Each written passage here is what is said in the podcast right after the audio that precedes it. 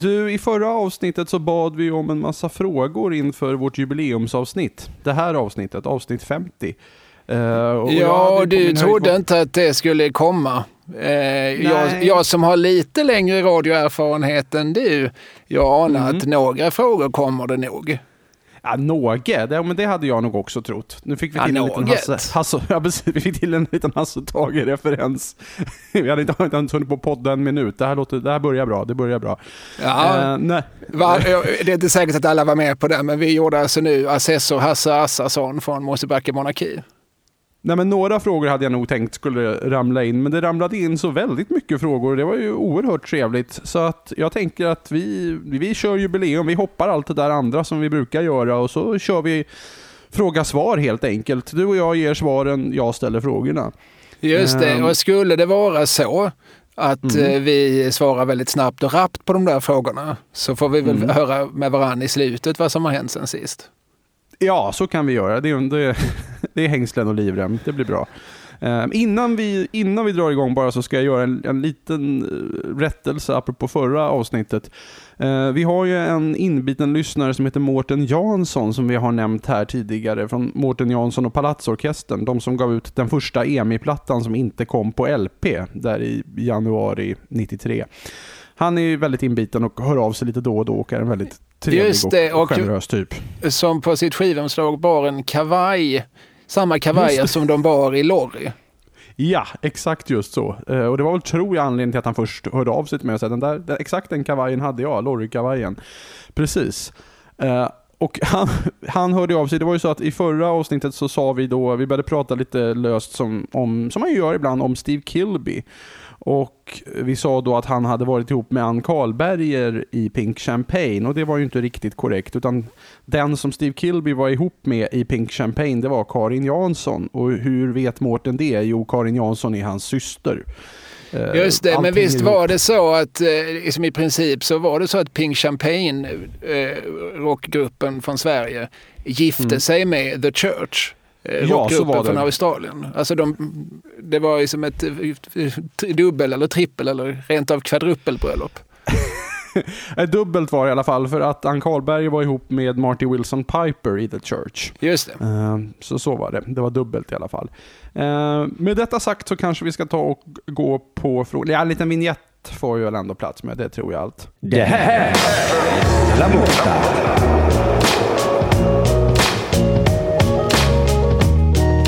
Della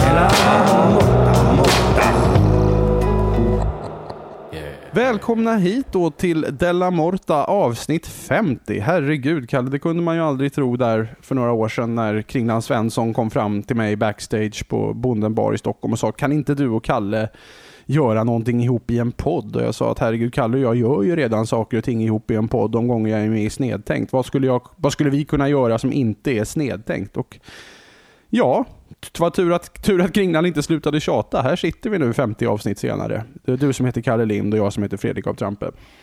Ja, nej, precis. Nu, mm, när vi har pratat färdigt idag så har vi pratat i gott och väl 100 timmar. Eh, mm. Eh, och jag tror inte vi har sagt något väsentligt och det ska vi vara stolta över. det finns så mycket poddar som säger väsentligheter så. Ja, det vet jag för all eller inte. Men, men vi tillhör de ytterst få poddar som åtminstone är medvetna om det. Precis, vi har, aldrig, vi har aldrig påstått någonting annat heller. Nej. Nej. Nej men vi, vi tar väl igång här med lilla, lilla frågelådan här. Eh, det, vi ska ju säga då också först kanske, också innan vi börjar ta frågan, att det är jättemånga som när de har skickat in frågor också har skickat lovord till den här tramsiga podden och tyckt att det är kul att det håller på. Folk har ja, skrivit och, jättefina och snälla saker. Ja, precis. Det uh, behöver vi inte läsa upp för det tycker jag är så genant. Men däremot så kan jag notera att eh, väldigt många har skrivit som signatur inbiten lyssnare. Mm, det har fäst sig. Det har blivit våran, lite våran catchphrase. Ja, ja. ja. Det, det, det börjar med att du liksom lägger det på folk, att han här är inbiten ja. lyssnare.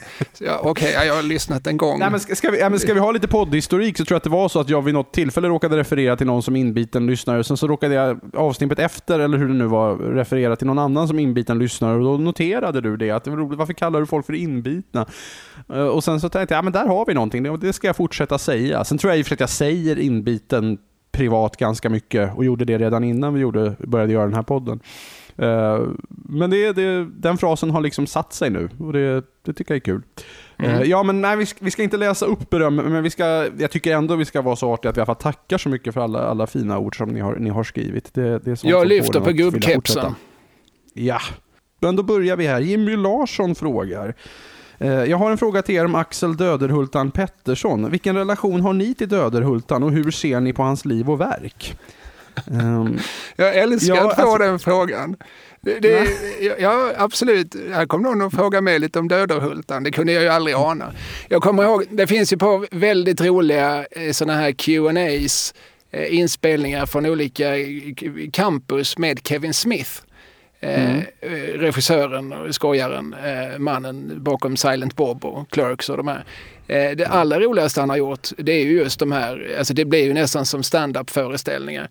Eh, och eh, han, han är oerhört frispråkig och, och eh, fantiserar mycket om hur det ser ut när hans föräldrar ligger med varandra och berättar om olika samlag han har haft och sådär. Eh, men, men, han får också så väldigt mycket frågor från publiken sådär, typen har du prövat analsex och så här, den sortens. Mm. Och då, då, gör han liksom, ja, den frågan hade du inte ställt till Martin Scorsese om han varit här, eller hur? Nej. Och det är lite grann samma. Döderhultan, den, den frågan, den, den hade du inte ställt till Hanna och Amanda, eller hur? Nej, där har vi vår lilla särart. Eh, alltså jag har egentligen ganska lite relation till Döderhultarn som konstnär, men det, det är onekligen en, en, spännande historia. Han var alltså träkonstnär från Oskarshamn, föddes på 1800-talet någon gång, dog 1925. Och han var i väldigt många år ett, ett, lokalt original som gick runt och gjorde sina trägubbar som han sålde för 12 skilling och därför blev han kallad för 12 skillingen. Um, och sen var det väl så att Hasse Zäta, pappa till Kardemumma för övrigt, uh, fick en, en sån här träskulptur i gåva och bestämde sig för att den här ska jag ha med. Jag ska ha så mycket jag bara kan få tag i av den här killens träkonstnär, träkonstverk. Blä till eh, min kommande utställning här. Så han beställde upp en sjuhelsikes massa, massa trägubbar där från Oskarshamn och på det sättet blev Döderhultan nationellt känd och sen fick han vara med på diverse internationella utställningar som Sverige ordnade och då blev han internationellt känd. Det är, det är lite searching for sugarman-varning på den historien. Ja, precis. Men det finns väl sådana historier såklart om hur någon eh, som urban figur med, med ett kontaktnät plockar upp eh, olika former av original och så det, det, det, finns det väl som säkert ett antal berättelser på samma tema. Men det är ju roligt det där med 12 skillingar. Alltså hans, hans gubbar kostar 12, eh, 12 skillingar, alltså 25 öre. Eh, så mm. var det två gubbar. Alltså om han till exempel hade eh, snidat ett hästbröllop, vilket han gärna gjorde, det vill säga ett, eh, ja, ett, ett, ett samlag mellan ja, jo, en, inte... en hingst och ett sto. Så kostade det ju då två 25-öringar, för det var ju två figurer. Så det spelade liksom ingen roll om det var stora eller små, det var liksom antalet. Lite grann som, som som Emil i Lönneberga. Jag har en någon sådär känsla av att uh, Astrid Lindgren var lite inspirerad av Döderhultan. Att, att, att hon lät Emil sitta och snida trägubbar. Det är ju inte långsökt alls, det har jag aldrig tänkt på, men det är Absolut, nej, det, det är, inte särskilt långt mellan Oskarshamn eller mellan Döderhult och eh, nej, Katthult eller Vimmerby då, eller Näs som det väl hette i, i verkligheten. Eh, hon kände säkert till figuren och eh, fnissade säkert åt hans... Eh, de var ju ekivoka, väldigt många. Mm. Alltså, och de, oh, ja. de, de, det var inte tvungetvis så att, eh, att, att det var naket, men han kunde gärna som snida ett bondbröllop där bruden var i nionde månaden och sådär. Den sortens antydningar. Och gärna just också olika djurbröllop.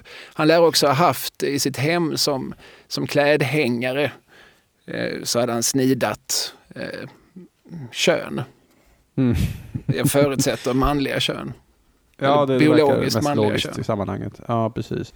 Nej, och Kardemum, min relation, som svar på frågan, min relation till Dödahultan kommer väldigt mycket från Kardemumma. Jag kom i, som ganska ung över en, en bok som heter Kardemummas glada minnen. Det var, det var förmodligen någon bokrea eller någon sån här impulsköp.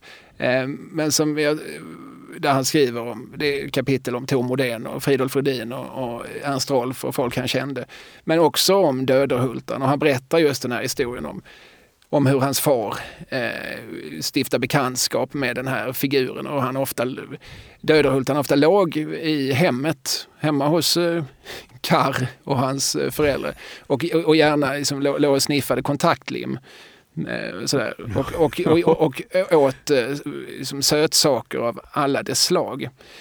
Eh, och eh, han skriver Kardemumma, priserna steg hastigt från 25 öre till 75 och 100 kronor och grosshandlarna tillhandlade sig döderhultare på löpande band. Helst bröllopet eller något annat som kunde roa middagsgäster.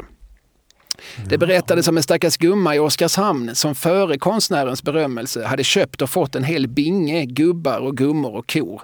Men så blev det kallt i stugan en kulen vinterdag och hon hade ingen annan ved. De där fulingarna var väl ingenting att spara på, tänkte gumman och slängde in allt sammans i spisen. Eh, det, det var förmodligen en, eh, någon sorts klintbergare. Eh, ja, eller så här. Men det, det, kan säkert ha hänt någon gång. Påminner mig om en barndomskompis till mig som hade såna här fina original Star Wars-gubbar. Uh, men ville testa sina nya smällare på någonting. Uh, och tänkte att ja, ja, men sådana där gubbar finns det ju hur många som helst av. De kan ju inte bli värdefulla. Och så började han applicera sina små, sina små Kina-puffar på Hans Solo och sprängde Hans Solo i tusen bitar. Det har han ångrat många gånger sedan dess. Mm. Ja, ja.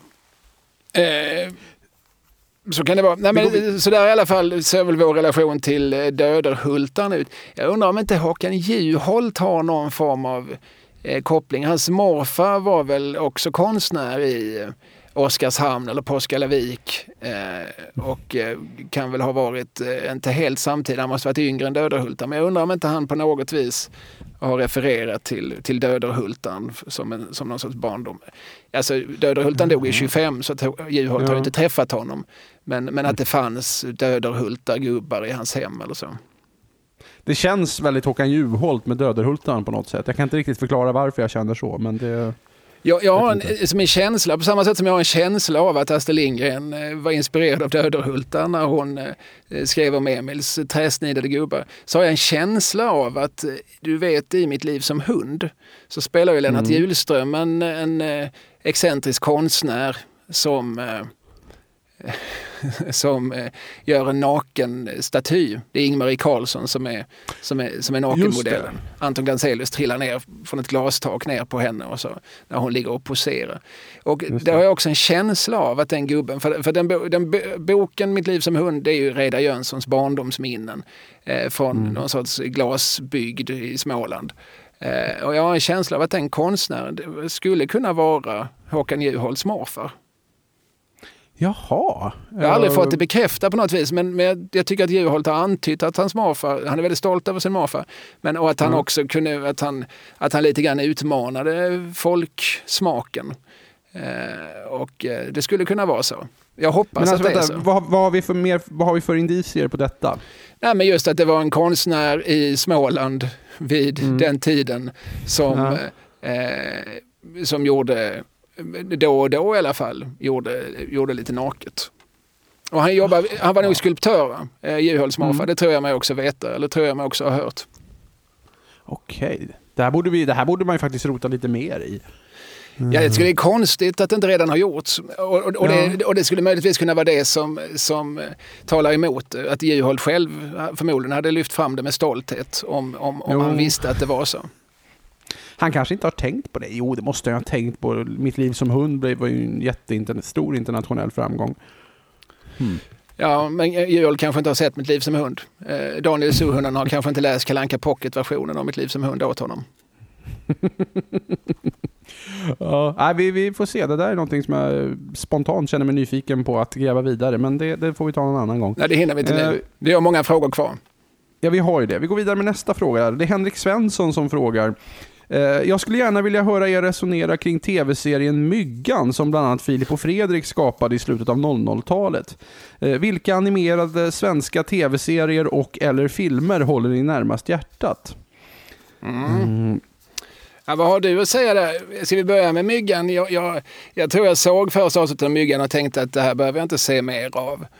Eh, vad intressant, för jag såg, jag såg Myggan och tyckte att det var väldigt roligt då. Eh, jag vet inte vad jag skulle tycka idag, men eh, alldeles oavsett, jag var ju med, jag kommer ihåg när, när jag jobbade med Filip och Fredrik, vilket var kanske ett och ett halvt år innan Myggan hade premiär, men då kommer jag ihåg att de började prata om det lite grann, att vi har ett nytt projekt på gång. Va? Och så, så, för myggan, figur, och vi har anlitat animatörer. Och jag bara, animatörer? Ja, nej, men det ska bli en tecknad tv-serie.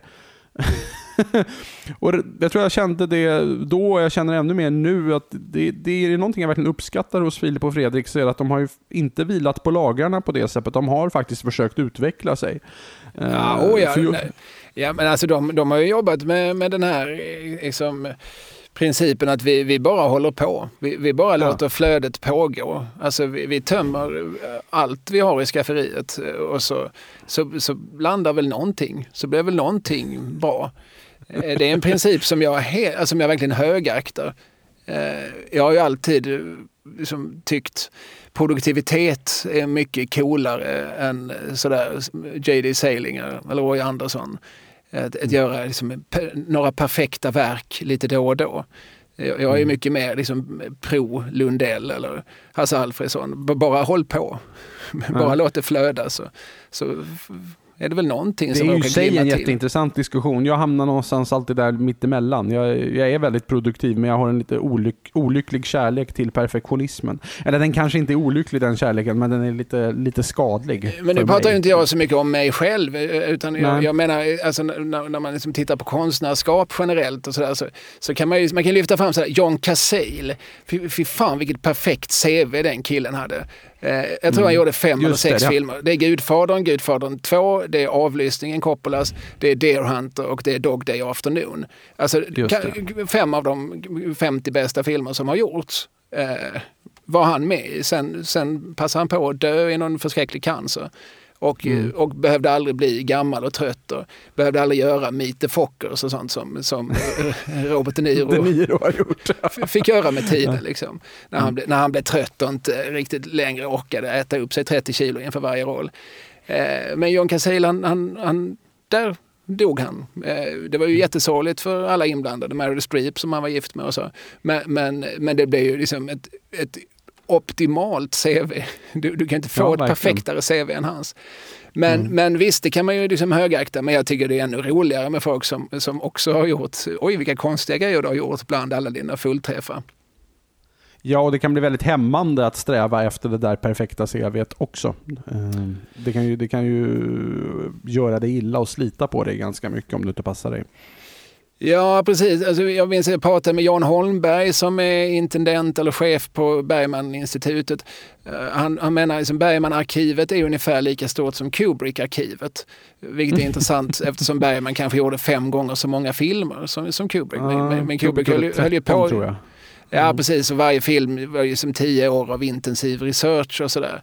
Eh, och, eh, och där tycker jag ju då att Bergmans CV är mycket roligare än, än Kubricks. Alltså jag, jag tycker Eh, jag, jag, jag, gillar det där att eh, ja, man bara håller på. Eh, mm. Jag skulle ju säga att även om Bergman har gjort fler filmer, han har ju också gjort fler bra filmer än Kubrick. Alltså till, till antalet. Mm. Det, det, det är väl så det blir. Om, om man håller på så man blir ju bra också. Nåväl, det var inte det vi skulle prata om. Vi skulle, Nej, prata, vi skulle om, prata om Myggan. Nej, men om Myggan, myggan var ju alltså en som sagt, animerad serie som Filip och Fredrik gjorde där runt 2007-2008 som då handlade om en misslyckad eh, tv-producent från Göteborg, tror jag, eller från, från västkusten i alla fall, som då hette Myggan.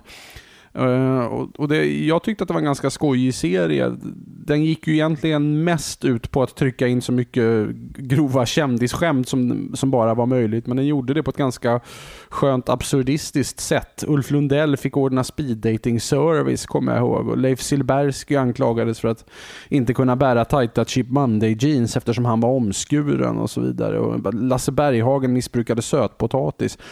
Eh, det, var, det var väldigt knäppt. Allra knäppast tror jag det blev i sista avsnittet som skulle vara en behind the scenes. Där det då visade sig att alla de här kändisarna som hade förnedrat serien i själva verket då hade aktivt så att säga, sökt rollerna i produktionen Myggan. Som också kulminerade med att Myggan plötsligt insåg efter att ha suttit där självsäkert och berättat om hur han byggt upp serien, att han till slut insåg att men vänta, jag är ju en tecknad figur och fick en identitetskris. Han hade inte förstått det tidigare. Eh, så jag tyckte, jag tyckte att den var väldigt crazy och väldigt mycket roligt på kort tid. Eh, då när jag såg den 2007. Jag vet inte riktigt vad jag skulle tycka idag kanske. Men, Nej, idag hade vi väl sett den som ett intressant tidsdokument. Ja, definitivt. Jag kommer, jag, jo, men jag minns när Myggan har sin 30-årsfest så är den väldigt, väldigt misslyckad för det kommer ingen. Utan det kommer bara en kille och den killen och Myggan gör då grevinnan och betjänten. Typ att Myggan sitter i högsätet där och den här killen går runt och tar och dricker ur varje glas där det står namnlappar. Då, att Myggan får skåla. Ja, Eh, skål Idol Marcus och killen häller i sig. Skål 18s Marie. Skål Martin Dahlin och så vidare. Det tyckte jag var roligt. Ganska flamsigt och ganska roligt. Um, men, men, eh, men hur, hur, fil, alltså hur st stor var egentligen deras inblandning i det? Alltså så att de verkligen och pillar i de manuskripten. Alltså, hörs deras röster i serien? Oh ja, de är, med, de är med som berättare i serien och även, om jag minns det rätt så är det så att de dyker upp som någon sorts sportkommentatorsberättare. Att helt plötsligt så klipper vi till en studio där det vi, det vi just ser i storyn rullar på en skärm i bakgrunden och Filip och Fredrik står framför och pratar lite om, om och kör, kör berättartexten. Ah, okay. Eh, jag, vet, men jag, kommer, jag får intrycket av att de var fruktansvärt involverade då. Det här har de säkert tagit upp någonstans i alla sina miljontals timmar podd som de har hunnit göra på tio år. Men, eh, ja, nej, men jag, mitt minnesintryck, som svar på Henrik Svenssons fråga, så tyckte jag väldigt mycket om det. Jag har, jag har aldrig hört deras podd, men jag har hört en massa andra intervjuer med dem. Jag, jag, jag kan liksom inte erinra mig att de någonsin har, har själva tagit upp eh, myggan. det kanske vi skulle göra som en liten appell till dem, att de faktiskt borde prata om det i något, något avsnitt av sina poddar. Nej, jag vet inte. Nej, det, är, det är ju inte precis det som de nämner högst av det de har gjort eh, genom historien. Det, det vågar jag ut säga ganska säkert. Nej, och jag har också känslan av att det gjordes i ett väldigt intensivt flow där de kanske jobbade mm. ändå 24 timmar om dygnet. Och att, ja, de hade ju ett jävla flöde under den där åren. När de väl liksom fick igång det där med High Chaparral på kanal 5, det var ju verkligen att de var ute konstant. Att jag fick chansen att jobba med dem med programmet 100 höjdare. Det berodde ju mycket på att de samtidigt skulle åka med Paul Hollander runt i världen och göra programmet Grattis världen och ungefär samtidigt tror jag också en tredje säsong av High Chaparral. Så det, det, det vilade, och när de väl var hemma så, så var de ju verkligen eh, på kontoret jämt, jämt, jämt, jämt, jämt. Det vilades inte på många lagrar där. Där kan man snacka om att hålla på verkligen. Um, så de, de, de, de, de slet sig till framgången, det kan man lugnt säga. Ja, nej, men det var liksom ett eh, starkt undertryckt uh, uttrycksbehov som plötsligt fick explodera. Det är ju mm. återigen det där liksom, när man ges tillgång, alltså de, deras deal med kanal 5, det måste ha varit att ja, men ni har en stående slott i vår tablå och så får ni fylla den. Eh, ja men så måste det ha varit, för, för det, det, gick ju alltid Filip och Fredrik-program på tv. Alltså, mm. Om det inte var ett nytt så, var, så gick det repriser av det gamla. Och, och, och, och Eh, och så var det väl olika produktionslängd så att vissa program gick att slänga in ganska fort och andra. Så att man fick, ja, man fick en känsla av att de hade en kamera på sig 24 timmar om dygnet. Eh, ja, nej men eh, tillbaka till frågan. Ja, men frågan var också vilka animerade svenska tv-serier och eller filmer håller ni närmast hjärtat? Ja, hur många animerade svenska tv-serier kan vi komma på? Ja, vad hette de tre vännerna och Jerry, den som ja. jag spontant kommer ihåg, som gick sent 90-tal och som, jag var 15 år då, det var väl lite gjort för mig, men det var också, jag vet många vuxna som älskade de tre vännerna och Jerry. Och ja, Magnus Carlsson som egentligen hade slutat titta på TV som tittade på de tre vännerna och Jerry. Ja, och han hette ju Magnus Mm, han heter ju Magnus Carlsson som, som gjorde dem. Mm. Och han gjorde också en figur som hette Lennart som Alltså jag kommer inte riktigt ihåg exakt var Lennart började men, men han blev så pass het att Stina Dabrowski gjorde en tv-serie som hette Stina med Lennart. Där, där, det, där denna tecknade figur var hennes sidekick. det funkade bättre än i eh, Sitt vackert med Sven Melander och den dataanimerade hunden Tudde som ja, Thomas Bolme gjorde rösten till. Precis, ja. för, för, att jag tror inte att eh, Dabrowski riktigt pratade med Lennart utan det var väl mer att det Nej. fanns små animerade sekvenser insprängt i programmet. Eh, nej, men den var säkert bra. Jag, jag, jag, såg den mycket sporadiskt men, eh, men noterade att eh, ja, men det där svänger ju rätt bra ändå. Mm. Men annars men så... Vad har vi mer? Alltså annars, sen är det ju barn produktioner som, som min tanke går till. Eh, Nass-filmerna håller jag väldigt högt. Eh, Sven Lundqvist-figuren? Sven Nordqvist.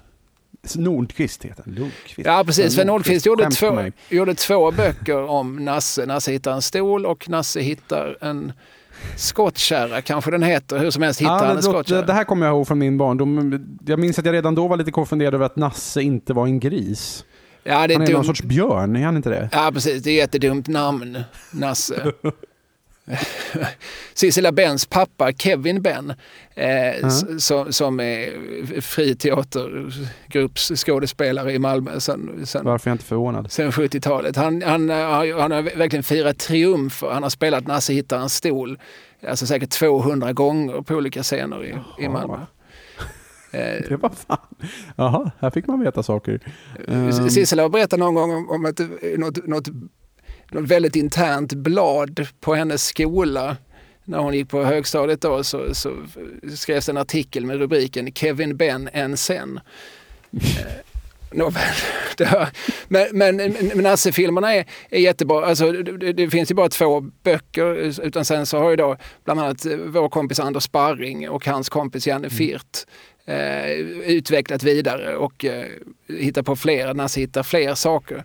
Eh, men de, de, är, de är otroligt bra tycker jag. Alltså de såg så jag, alltså när min äldste, när han var 4-5 hade vi det på DVD och det gick i loop. Men, men, men det var verkligen serier som jag kände, eller filmer som jag kände det här kan jag också titta på utan att bli arg. Alltså det, nej, men det finns en massa fina vuxenreferenser som, som ändå inte känns sådär liksom instraffade blink blink vuxen till vuxen utan Eh, liksom dimensioner som, som man kanske inte tar till sig som barn men som, men som gav någonting åt vuxna utan att därmed ta, ta något av upplevelsen ifrån barnet. Eh, så de, de, den vill jag gärna alltid lyfta fram. Mm. Men sen är det ju sen är det lite filmer som har gjorts. Ja. Eh, men vi har aldrig haft en riktigt liksom, animerad film för vuxna genre i Sverige. Per Olin har ju försökt. Han gjorde I huvudet på en gammal gubbe ihop med Hasse och Tage. Mm. Eh, och eh, sen så hade han och Hasse i många år ett drömprojekt, Hoffmans ögon. Som, som, som, absolut inte skulle bli eh, något för barn utan det var ju skräckromantik. Det var ju liksom Offenbach och eh, han satt och studerade Gustav Dorés eh, bibelillustrationer och sånt och utgick från när han... Och jag har sett, alltså han filmade väl kanske, han, det finns väl fem eller tio minuter material Mm -hmm. Som han ändå gjorde vid olika tillfällen och som han hela tiden tänkte att snart kommer det väl pengar. Snart måste mm. väl Filminstitutet rimligen ge mig pengar. Men eh, det gjorde de inte. Så att det finns bara 5-10 minuter. Ja, det är ju surt. Det finns ett manus, det finns ett soundtrack som Anders Elias tror jag har spelat in. Eh, och det Oj, finns Jan Blomberg som numera är död, han läste in mm eh, berättarrösten och så. Här. Jag tror, tror, det finns rätt mycket röster, alltså dialog inspelad och så. Men eh, det havererade.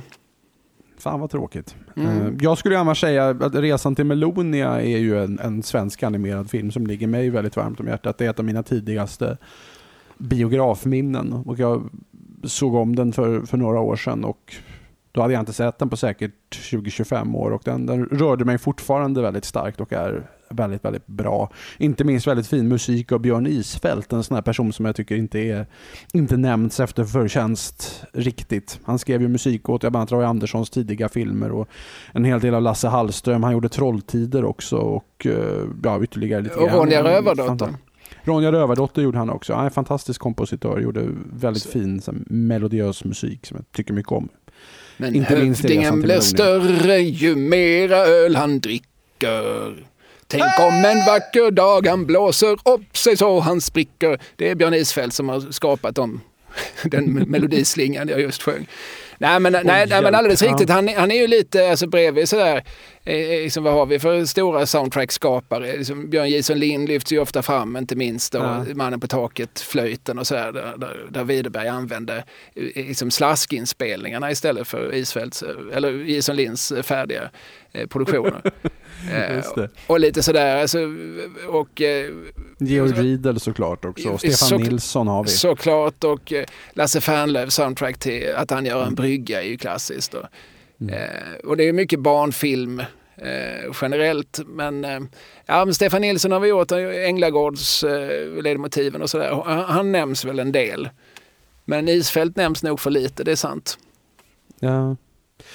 Eh, det, är någonting vi kanske kan återkomma till här senare i podden, vem vet. Eh, vi kanske ska gå vidare lite i frågorna här. Ja, jag bara nämner Daniel... som hastigast också Pelle Svanslös-filmerna. Janne Gisbergs tycker jag är ganska bra, särskilt den första. Eh, de har inte jag sett sedan jag var liten, men då tyckte jag de var väldigt fina. Ja, det är roliga låtar. Lill Lindfors sjunger Säg mjau till livet och sådär. Ernst-Hugo gör ju katten Måns. Och, och det, det, är jävligt freudianskt det som när han sjunger om sin svans och att Pelle, Pelle är ju liksom kastrerad och Måns har sin stolta, ståtliga svans. Eh, väldigt spännande. Det låter som läge för en omtitt tycker jag. Ja, ja och sen var det väl mm. samma gäng, alltså Janne Gisberg och Stig Lasseby som också gjorde Agaton Sax. Eh, Agaton ja, Sax och Byköpings gästabud. Eh, den, den är tidigare, det är 76 någon gång tror jag. Ja precis, men den, eh, den fanns på DVD så att mm, den såg jag också mycket med min, med min äldste när han var liten. Skenet bedrar, skenet bedrar. Eh, den tyckte jag också var ganska kul.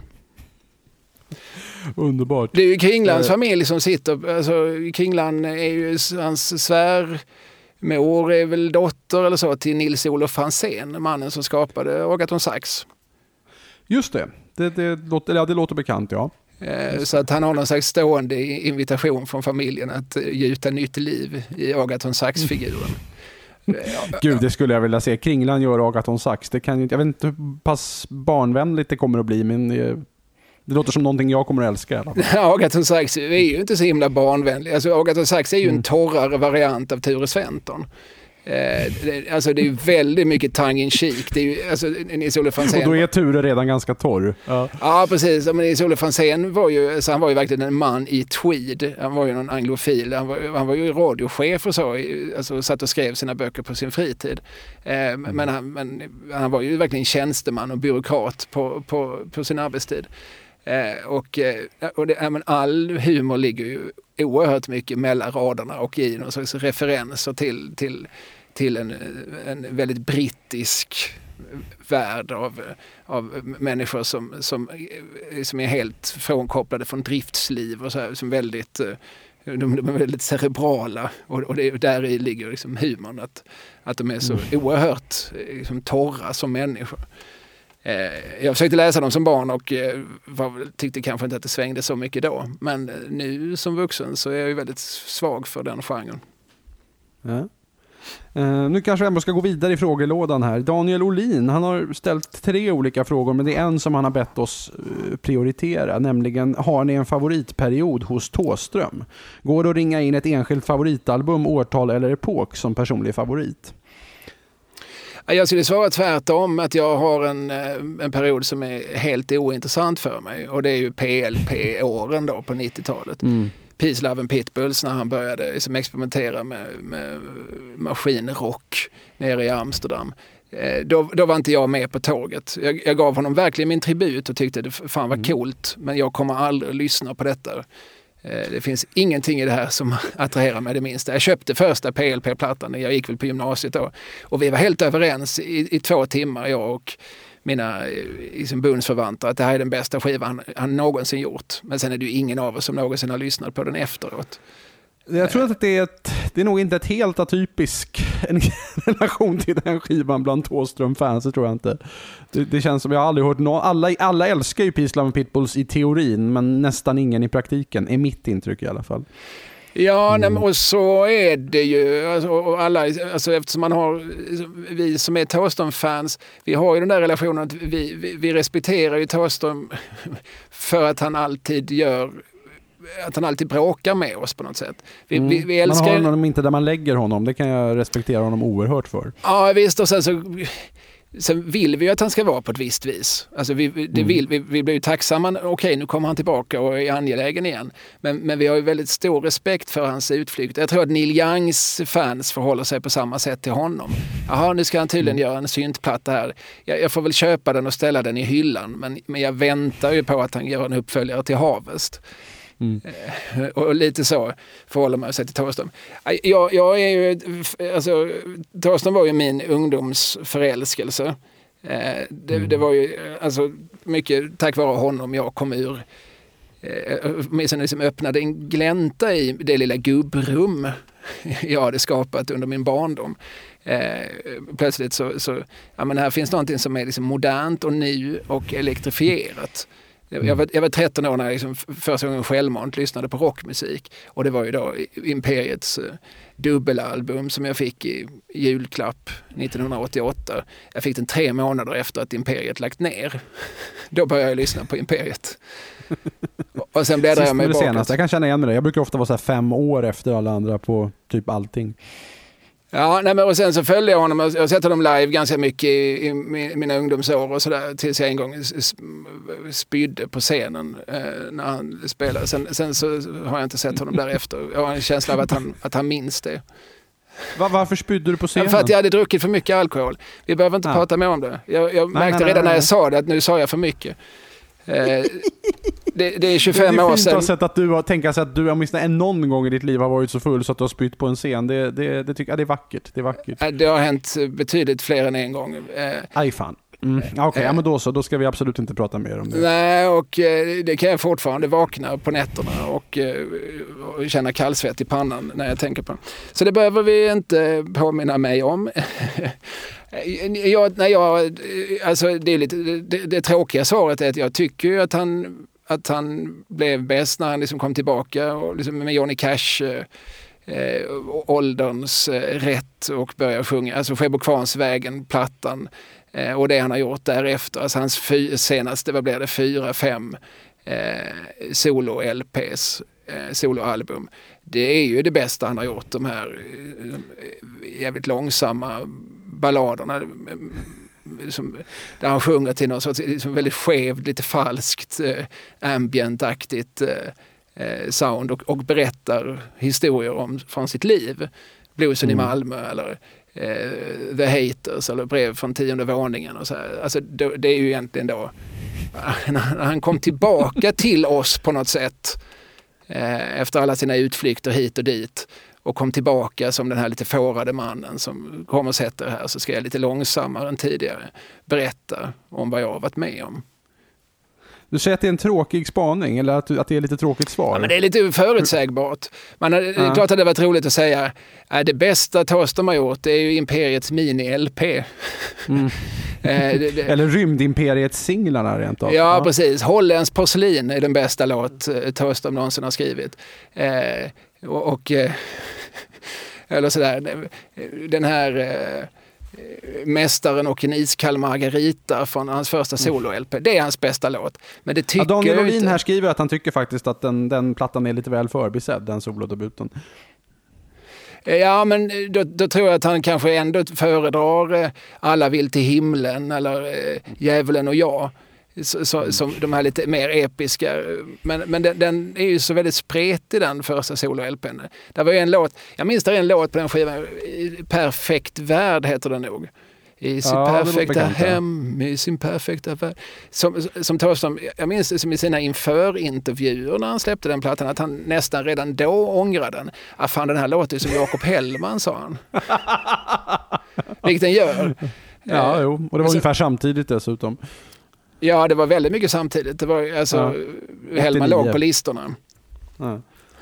Eh, och, så, så, nej, den vet jag inte. Men, ja, men där ligger ju också Karenina och, eh, mm. eh, och den, den tyckte man ju om då. Jag tycker, också inte lika mycket om Pang Bom Krasch. Nej, jag, jag minns väldigt tydligt eh, när han framförde den just hos Dabrowski för övrigt. Han hade mm. Han hade kavaj och hängslen men ingen skjorta. Så han hade bara överkropp under kavajen. Jag tyckte det var det coolaste jag någonsin sett. Och en stor barnkör. Uh, ja, ju... de spelar ju blockflöjt barnen. Eh, är det det de gör? Ja, alltså det, var ju playback såklart för det, det var ju samplade mm. blockflöjter. Mm. Men däremot kan jag säga att hans andra soloplatta, Explodera med 2000, den tycker jag är lite, lite förbisedd. Eh, framförallt avslutningslåten Ballad i p-moll skulle jag kanske ta med på min tio bästa Thåström-låtar. Vänta, när var det den kom? Ja, det kanske var 91. Jag, jag, ja, jag bara chansar nu. Jo, nej men det stämmer. 91. Just det, just det, just det. Jo men det exploderar med p-moll och uh, Miss Huddinge 72 är på den också. Ja, den är bra just också. Det. Men dina mm. ögon är svarta som mitt svar på din fråga om det är mascaran som rinner eller bara en tråkig dag igen. Det är en jävligt bra rad. Uh, ja, nej men uh, där fick vi ett... Uh, ingen av oss sa Ebba Grön, alltså för givetvis, alltså sådär, det vet vi ju alla att Ebba Grön var ju Thåströms stora bidrag till, till en svensk kanon. Jo, det får man nog säga. Men mitt problem är att jag har nog aldrig varit sådär arg riktigt. Alltså jag, uppskattar, jag kan uppskatta Ebba Grön, men jag inser liksom att oj, jag skulle nog ha varit... Man ska nog vara lite lite mer, lite mer ja, ung och rasande än vad jag var när, när jag hörde det. Eller så värst rasande har jag kanske aldrig varit, men jag var nog lite för gammal när jag hörde det första gången. Men jag tycker att det är bra såklart. Det, men det, men det, alltså, de lyckas ju ändå kanalisera den ilskan mer än vad många andra punkakter har lyckats med. Alltså just för att det, mm. för det finns liksom ett, ett melodisinne och ett riffsinne redan från början eh, ja, hos dem. Ehm, men, men, eh, men det är också fascinerande med hur Ebba Grön på något vis, alltså hur det hela tiden kommer nya generationer och hittar Ebba Grön och tänker att ja, men det här bandet är för mig, mina söner som har, som, jaha, plötsligt hör jag, vänta, är det, vad, är det du, vad är det du går och sjunger på? Ja, du går och sjunger på Staten och kapitalet. Har jag spelat den för dig? Vadå, känner du till den överhuvudtaget? ja, det gör jag ju. Det kan jag berätta för dig. Jag kan också berätta att det var i original var Leif Nylén som skrev den. Och kommer här nu så ska vi lyssna på Gunder Häggs version. Den som ju heter Den ena handen vet vad den andra gör. Den är egentligen mycket bättre för att slutversen där eh, har ju Thåström och Fjodor plockat bort. Eh, och det är ju den bästa versen. Så bygger vi ett samhälle efter korporativa principer och lär oss att acceptera sånt vi inte begriper. Och att var och en hans beskärda del av det växande överflödet, kapitalet åt kapitalisterna och åt understödstagarna understödet. Det är ju den bästa versen, den tog de ju bort. Jag kan bli lite doserande ibland när jag umgås med mina barn. men, men, eh, poängen var? Poängen var att Ebba Grön, alltså jag upptäckte dem när jag var, när jag då var 13-14 och, och eh, liksom såg det som, som min skatt. Jag hittar någonting som är till bara för mig. Och kunde liksom inte riktigt då liksom förstå att de la ner när jag var åtta år gammal. Eh, och att det finns människor som är 10, 15, 20 år äldre än jag som också har det som sin musik. Och nu finns det människor som är 20, 30 år yngre än jag som, som, som känner att det här är till för mig. Det, det, mm. och det är, ja, det, det, är väldigt få väldigt, väldigt få akter som, som eh, har den statusen, generation efter generation. Jag måste bara, eh, måste, måste jag inte alls, men jag tänkte när du började prata om eh, staten och kapitalet och Leif Nylén. Det finns en jättefin artikel som Leif Nylén har skrivit om den här låten och om dess tillblivelse och om hur den blev lite av en hit under proggen och sen blev en ännu större hit med Bagrön och hur den liksom har tagit sig eh, runt och varit med i filmer och refererats till som självklar referens. Jag tror det var två två skådespelerskor som båda hette Frida och som porträtterades, deras vänskap och samarbete porträtterades i någon artikel som naturligtvis fick rubriken Frida vid Frida tillsammans hjälps de åt och så vidare. Och att jag har alltid fått mycket mer stimpengar för den här låten än för någon annan låt. Jag är jätteglad för den. Så hur ska jag nu sluta den här artikeln? Ja, jag kanske ska gå bort här och prova det här Singstar, för där finns staten och kapitalet. För trots att det här är min överlägset mest kända låt, trots att jag har spelat den med Gunder Häggblå tåget mer än hundra gånger på scen, så har jag faktiskt aldrig fått sjunga den själv. Det tyckte jag var en lite skoj, fin poäng att avsluta artikeln om sin mest kända låt med. Det är ju inte jättemånga låtar i Blå Tåget som sjungs av Leif Nylén. Det är Järven och ett par till. Eh, Nå, detta om detta. Vidare i frågelådan här. Jimmy frågar, eh, vem spelar Slobodan i Torsk på Tallinn? Ja, den frågan eh, skickar jag på remiss till eh, mannen som eh, är krediterad för regin av Torsk på Tallinn. Det vill säga Thomas Alfredsson. Just det. Thomas svarar så här. Jag läser nu från hans mejl. Han som spelar Slobodan heter Thomas Almgren och är en bekantas bekant som jag kom i kontakt med via min vän Claes Britton. Heter han Britton mm. eller Britton? Jag har alltid sagt Britton, men jag har nog bara sett det i skrift, så jag ska inte säga säkert. Det ser lite franskt ut, så jag har fått för mig att det är Britton. Men eh, Claes Britton, och som tillhör en krets som gick på Östra Real en gång i tiden. Mauro Scocco, Johan Kling, Anders och Johan Skog, Johan Kinde med flera. Jag mm. erinrar mig att han, det vill säga Thomas Almgren, är verksam som något sorts handledare för ungdomar på glid på Fryshuset nu för tiden. Jaha, se där. Då fick vi svar på den frågan. Det var ju ja. fantastiskt. Ja, ja, ja. men man misstänker ju när man ser den här filmen, alltså han, Slobodan är alltså eh, sidekick till en av Robin Gustafssons figurer. Vad kan han heta då? Jan Banan? Ja, Micke tror jag han heter egentligen. Det, det är väl typ samma figur som i Percy tårar. Där kallas han för Boss Hogg. Uh, men det, det, är samma, det är åtminstone samma röst och samma kläder och samma peruk. Ja, precis. Och han är någon sorts sån här, liksom Bröderna Hårdrock-figur. Alltså någon sorts lant, eh, lantsnubbe. Det finns eh, på någon DVD så, där så finns det liksom outtakes från eh, Torsk på Tallinn. Det finns en jävligt rolig scen där den är Micke och eh, Slobban, Slobodan, när de har hyrt en, en rulle. De, ska hyra, de har hyrt en komedi, de vill ha lite kul. Och så har de gjort Woody Allens Manhattan. så det var svartvitt. Så det var svartvitt. Eh, väldigt rolig. Jag förstår också varför den togs bort för att eh, den eh, har liksom inte så mycket med själva storyn att göra. Men, men, men det finns och, och, man anar när man ser den här filmen att eh, ja, men här en kille, de har valt den här killen för att han ser, han ser lite rolig ut. Han har, han har någonting mm. lite diffust eh, och särskilt som han då inte säger någonting och mer sitter och klappar en katt och sådär. Det är väldigt obehagligt. Jag tror inte att någon har klappat en katt så obehagligt som Slobodan gör i den filmen. Nej, och så har de satt på honom ett par tonade glasögon och så. Alltså, han, han, ser, det finns någonting med, det, med, med den uppenbarelsen som som gör att man, man anar att vad som helst kan röra sig under Slobodans lite, lite flottiga hår. Vad mm, som helst. Den billiga grå kostymen och den neongröna skjortan. Uh. Ja, men är, så där, är han en player? Är han, vad är han för något? Hur försörjer han sig? Man anar att eh, ja, men, eh, Slobodan är en överlevare.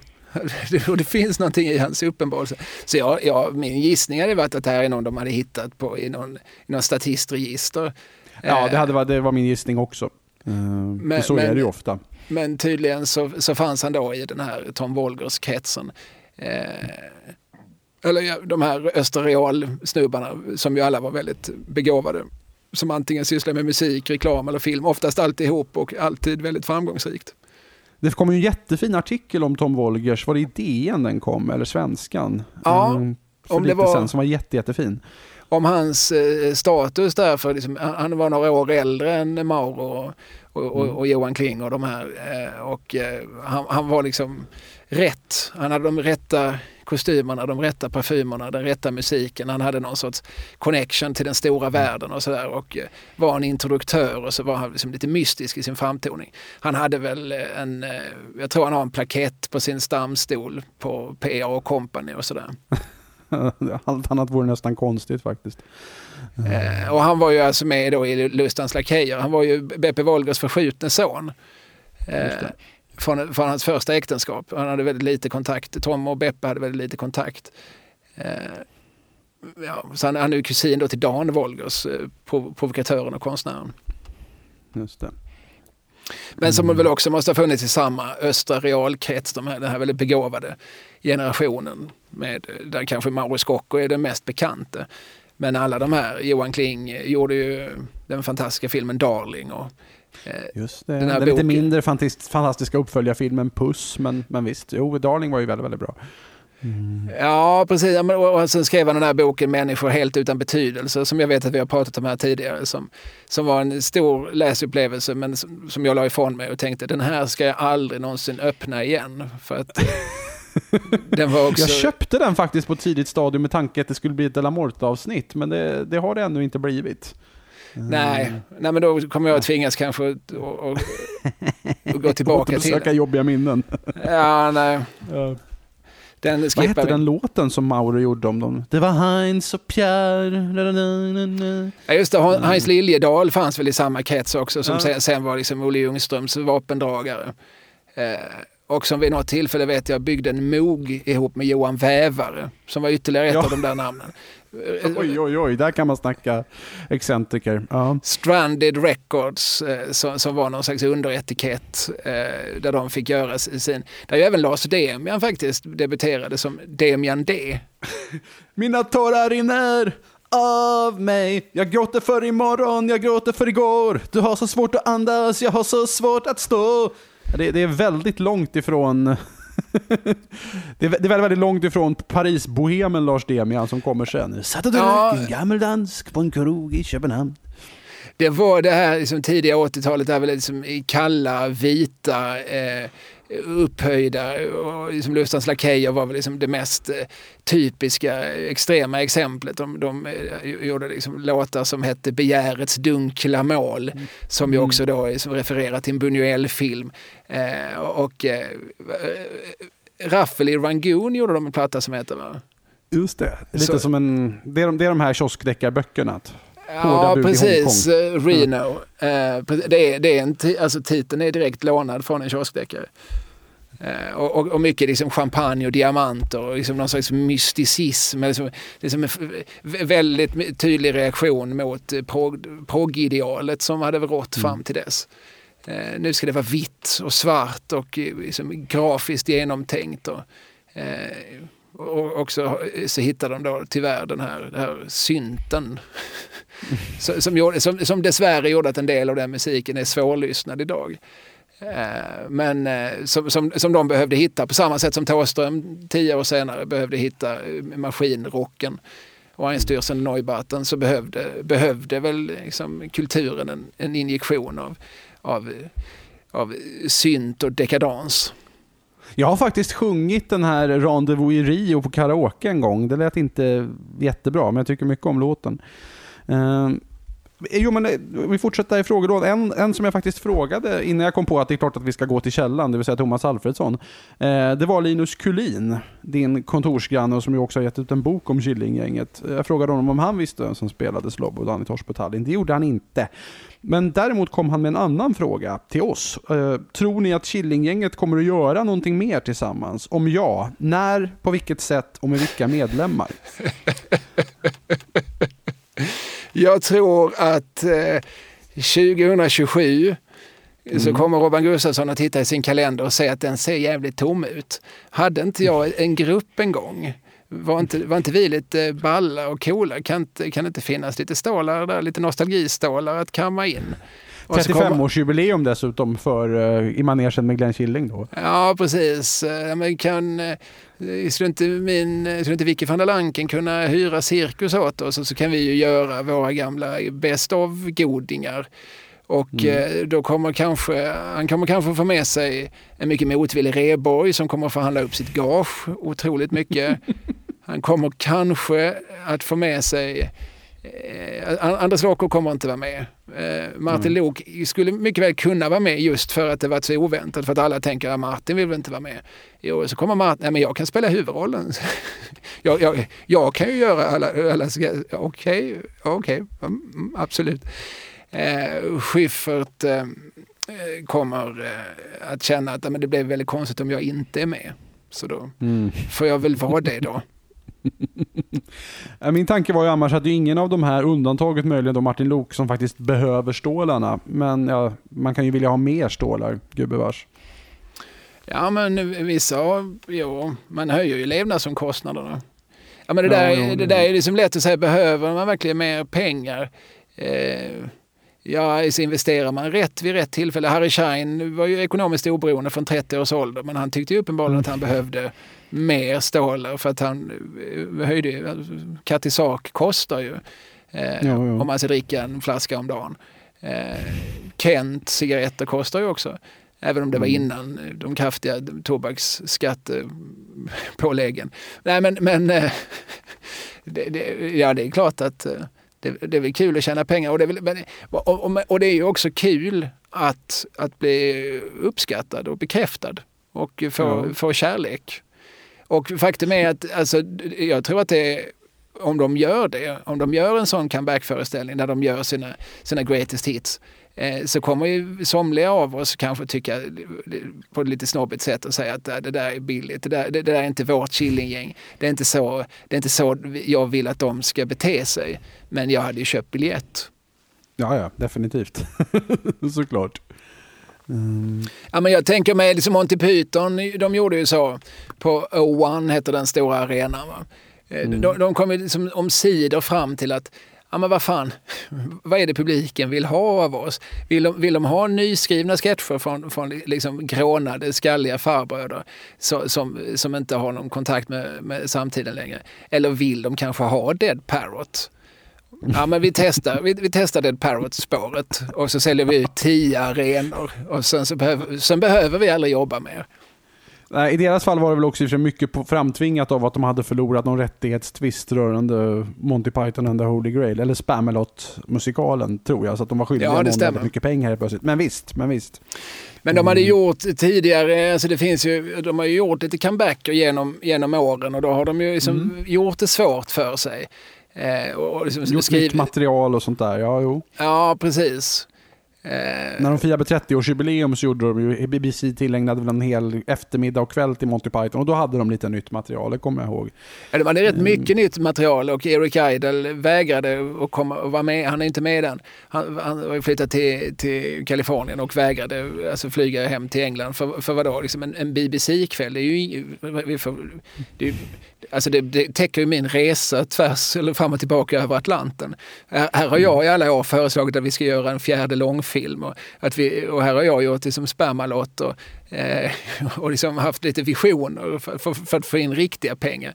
Men nu lägger de en massa tid och krut och energi på att göra liksom en kväll för BBC där de eh, tar på sig lite apdräkter och, och, och, och gör, gör några nya sketcher som ingen frågar efter. Han var mycket upprörd över detta. Ska vi gå vidare här då? Håkan Eriksson undrar här. Eh, jag skulle vilja höra era tankar om Rune Andersson och Finn Zetterholms låt Iskalla killen full med mänsklig värmut. Eh, jag hör den som ett ganska rasande angrepp på Hansson The Wolf United och undrar vad som kan ligga bakom. Eh, Iskalla killen full av mänsklig värmut är en låt som man finner på Finn Zetterholms och Rune Anderssons platta Rune Andersson och Finn Zetterholm sjunger om berusning från 1981.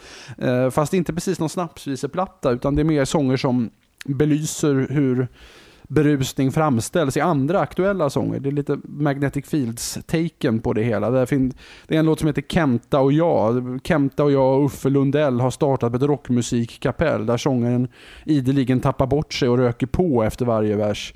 Eh, som en liten, liten känga till både Lundell och Kenta. Men den här iskalla killen full med mänsklig värmut eh, handlar ju då om en reklamkille som sitter på sitt kontor och eh, vrider på hjärnan hur han ska få till en reklamkampanj för Systembolaget för att få folk att gå över till att dricka vin. Och så småningom så knäcker han detta och refrängtexten består av olika reklamslogans. Rida, rida, ranka efter åtta Villa Franka. Bättre fräs med Beaujolais och mera fjong med Rossignon. Eh, det är tydligen faktiskt för övrigt Rolf Börjlind som har skrivit just den särskilda refrängtexten. Ehm, och det, det, får man väl säga var då lite av en släng mot Hansson The Wolf United som precis då, 1980 tror jag deras första album kommer. Ehm, de var ju, åtminstone två, dels The Wolf och dels ytterligare någon i bandet, jobbade ju på reklambyrå på heltid och var ganska tydliga med att ja, men det här är inte, vi tänker inte leva av rockmusik, det här är ett hobbyband. Um, men den känns mer som en drift med dubbelmoralen i Systembolagets annonser av den tiden än vad den känns som. Den är inte fruktansvärt elak mot just Lorne the Wolf och company. Det tycker jag inte. Nej, mm. själva titeln, alltså det, man hör ju att det börjar i en ordlek. Liksom. Iskalla mm. killen full med mänsklig värme heter ju Hansson de Wolf-låten. Ja, alltså det blir ju mm. roligt om vi bara byter värme till värmot. Det, och det är väl ganska fyndigt. Ja, eh, och det är också någon referens i texten till att han gungar i en hammock, vilket Hansson the Wolf United gjorde i låten att gunga sin själ. Som att gunga sin själ i en hammock heter den. Ja, alltså Finn Zetterholm och Rune Andersson. Rune Andersson pratas det otroligt lite om idag. Han var ju med just i Ronja Rövardotter. Han, Tommy Körberg och Claes Jansson är ju de tre sjungande rövarna. Eh, han var gift, eller han låg med Lena Nyman på, på 70-talet. Ja, de gjorde det, ju några plattor ihop som är tyvärr väldigt svåra att få tag i idag men som är väldigt, bitvis väldigt, väldigt fina faktiskt. Ja, och han, han är ganska lång så att de såg, såg väldigt roliga ut bredvid varandra. Hon, hon var väl 1,53. Och, och jag vet att på sin 50-årsdag 1978 så skaldade Tage Danielsson eh, dikter till varje gäst. Mm. Det måste ha tagit jättelång tid innan folk fick börja dricka med varandra. Men då gjorde han till paret Nyman, Rune Andersson, gjorde han versen En molligare Bellman, en tolligare Sellman. Mm. det är ju fyndigt får man ju säga. Tolly eh. Sellman var ju forna tiders stora, eller en av de stora uh, underhållningsaktriserna. Och Bellman, ja Bellman var Bellman helt enkelt. Bellman var Bellman och Rune Andersson tillhör ju samma generation som Finn Zetterholm och Bengt Sänd och eh, Evert Ljusberg och eh, Stefan Demert och sådär. Men, men han, han har nog alltså ingen hit. Det var nog ingen låt han gjorde som har liksom letat sig upp i någon sorts kanon sådär. Mm, nej, det kan, nog, det kan du nog ha rätt i. Ja. Men jag vet att han och jag tror även Finn Zetterholm att de hade rätt mycket samarbeten med RSMH, kan det heta så? Riksförbundet mot, mot läke, RF, RFHL heter det nog, för läkemedelsmissbrukare. Alltså det är ju Aha. ett av de här riksförbunden som, som jobbade mycket med liksom, missbrukare. Och jag, och jag tror de gjorde ganska mycket, mycket eh, konserter för, för dem och, eh, och jag, jag, kan mycket väl tänka mig att den här plattan är gjord, som är bekostad av, eller gjord i samarbete med det här eh, som Riksförbundet. Det låter lite så, men, att, att det är ett tema och sådär. Eh, de hade väl en relation till alkoholen som inte var alldeles okomplicerad. Han har tonsatt en utredning tror jag också. Rune Andersson. Ja, alltså en statlig det... utredning, någon handikapputredning som han gjorde, gjorde någon LP-skiva av, tror jag. Ja, nej, men det låter troligt. För, långt bak i huvudet. Ja, men jag, för jag tror att de hade, var ganska mycket så de försörjde sig under några år. Att, att de mm. fick eh, stålar genom samarbeten. De gjorde musik eh, som apropå Eh, viktiga frågor i tiden. Alltså olika sådana här riksförbund som, som, som på olika vis försökte som skapa opinion och debatt och så. så. Det var ju en variant att, att knyta de här eh, liksom artisterna till sig och låta dem specialskriva musik. Jo, men och då tänkte jag att vi skulle kunna kroka i detta med nästa fråga här. För att eh, Pekka Gävle hörde av sig här och kunde hej, jag skulle vilja höra era fem bästa låtar på svenska. Gärna fem var. Ja. Och jag tänker att Hansson the Wolf Uniteds Var kommer barnen in hamnar nog faktiskt på den listan för mig. Det är en sån där, Spännande. Det är en sån där låt som jag kanske bara... Det kanske är en gång om året som jag återvänder till den, men då spelar jag ingen annan låt den dagen än den låten. Jag tycker den är helt fantastisk som både bilderna i, bilderna i texten och den här snygga mandolinslingan och hooken. Ah, jag tycker det är en snygg komposition och, och, och bra låt. Eh, vidare på min lista får jag nog ta höstvisa ändå. Tove Jansson, Erna Tauro. Det här är inte, det här är inte sådär... Det är en ganska förutsägbar lista faktiskt, men det bjuder jag på. Uh, jo, men det blir ju så när det är de fem bästa. Alltså, det är de fem bästa överhuvudtaget. Uh, mm. Hade det varit i min genre så hade man kanske kunnat vara lite mer järv. Men jag fortsätt höstvisa, ja. absolut. Östvisa Genesarets sjö får jag nog mm. säga hamnar där också. Uh, lite mer i modern tid. En sång som jag verkligen kommer ihåg som en sån stark upplevelse, det var ju det andra spåret på Säkerts första skiva, Vi kommer att dö samtidigt.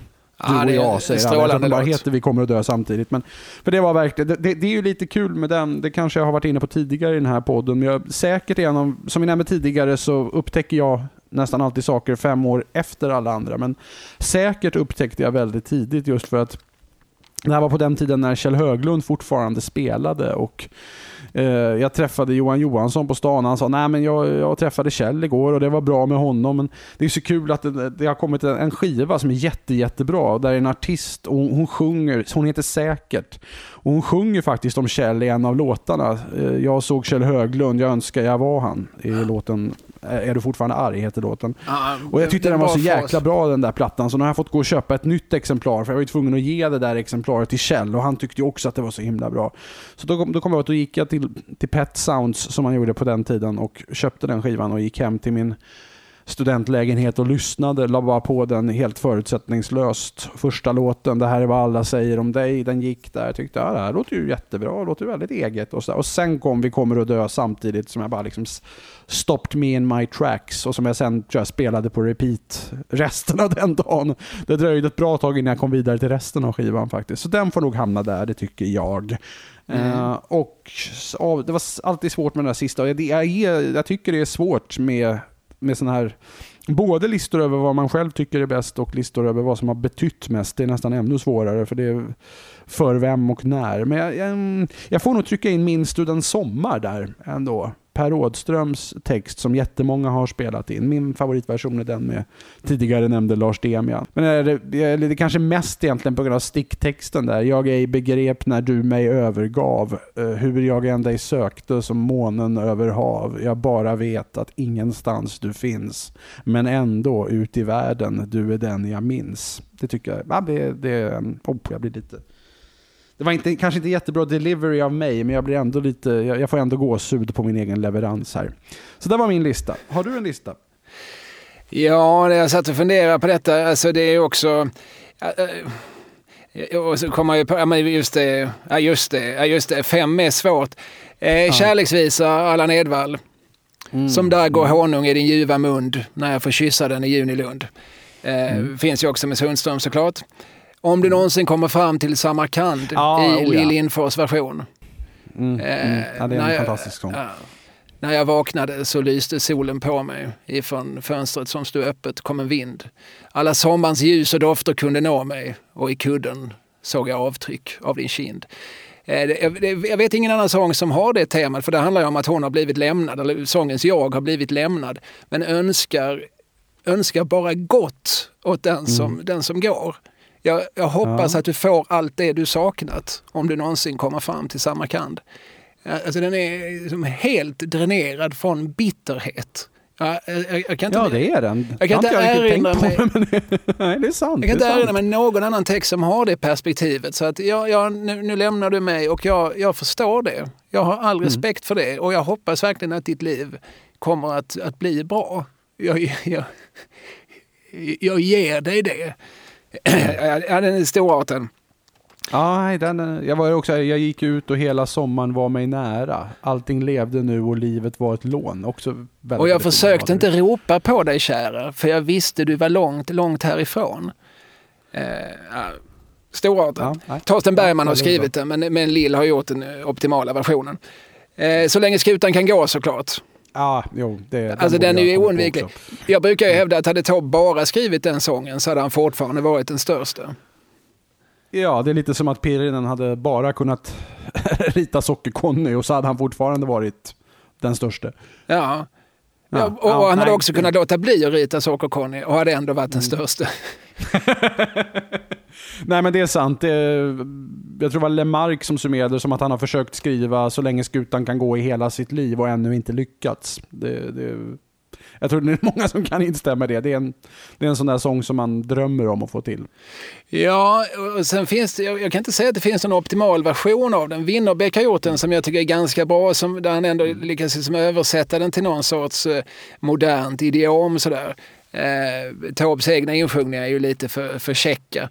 Eh, mm. Och sen gjordes det ju en ganska hemsk sån här Eh, Eh, We Are The World-version till Emis Taube-platta. Ja, jag är lite kluven till den, för jag, jag, jag gillar ju jag tycker det är, det är bra gung i den och det är, bra, det är bra artister. Det är många jag gillar, Magnell och Tony Holgersson och Magnus Johansson som vi visst aldrig kommer undan att nämna i den här podden. Samtidigt är det ju verkligen att det känns som att de har drivit hurtigheten i den till sitt max. Även om jag på ett sätt gillar hurtigheten så känns det som att ni har inte riktigt det, liksom, det gör inte riktigt rättvisa till texten. Eh, jag tycker nog mer om Lasse Tenanders version eh, ja. i så fall. För den, den, där, han har fattat att det inte, den handlar ju egentligen inte om någon segeltur. det är inte det den handlar om. Och det känns som att Tenander har fattat det. Nej, men sen retar det mig också. Alltså det är så larvigt det här med att olika människor ska sjunga de olika verserna. Alltså det, det, det, jag tycker det tappar någon sorts jag. Alltså det är ju Kjell Andersson-syndromet sådär. Liksom att, mm. nej men varför ska vi göra en enkelplatta? Vi kan väl göra en dubbelplatta? Nej men vi gör inte en dubbelplatta, vi gör, fan, vi gör en box. 32 plattor, minst. Mm. Det är samma princip. Ska vi låta en människa sjunga den här sången? Nej, vi tar in hela rockeliten. Totta får göra, göra liksom, tre strofer. Persson i Perssons pack får göra några. Alltså, den tappar ju i personlighet. Man hade velat höra Thåström sjunga den. Så är det väl. Mm. men, men den ska ju vara med på alla listor som finns. Eh, Rosens sång. Jag, jag går vidare på listan. Rosens sång, Monica Zetterlund. Mm, Svea Hund där ja. Mm, musik av Lumby. Den är väldigt fin. Ja, den är fantastisk. Och den är lite förbisedd. Det finns ju många Hasse och Tage-låtar jag kunde tänka mig att ha med. Eh, öl, eh, Livets mm. tåg som jag också oh, håller som som en av deras eh, liksom all time classics. Eh, rolig där, liksom, det är alltså tagen när de är som bäst. Så där, de, de har liksom skrivit någonting tror jag, lite på skoj. Det är som deras mm. idé att vi ska skriva en, lite, en sång sådär, med lite överlastad metaforik.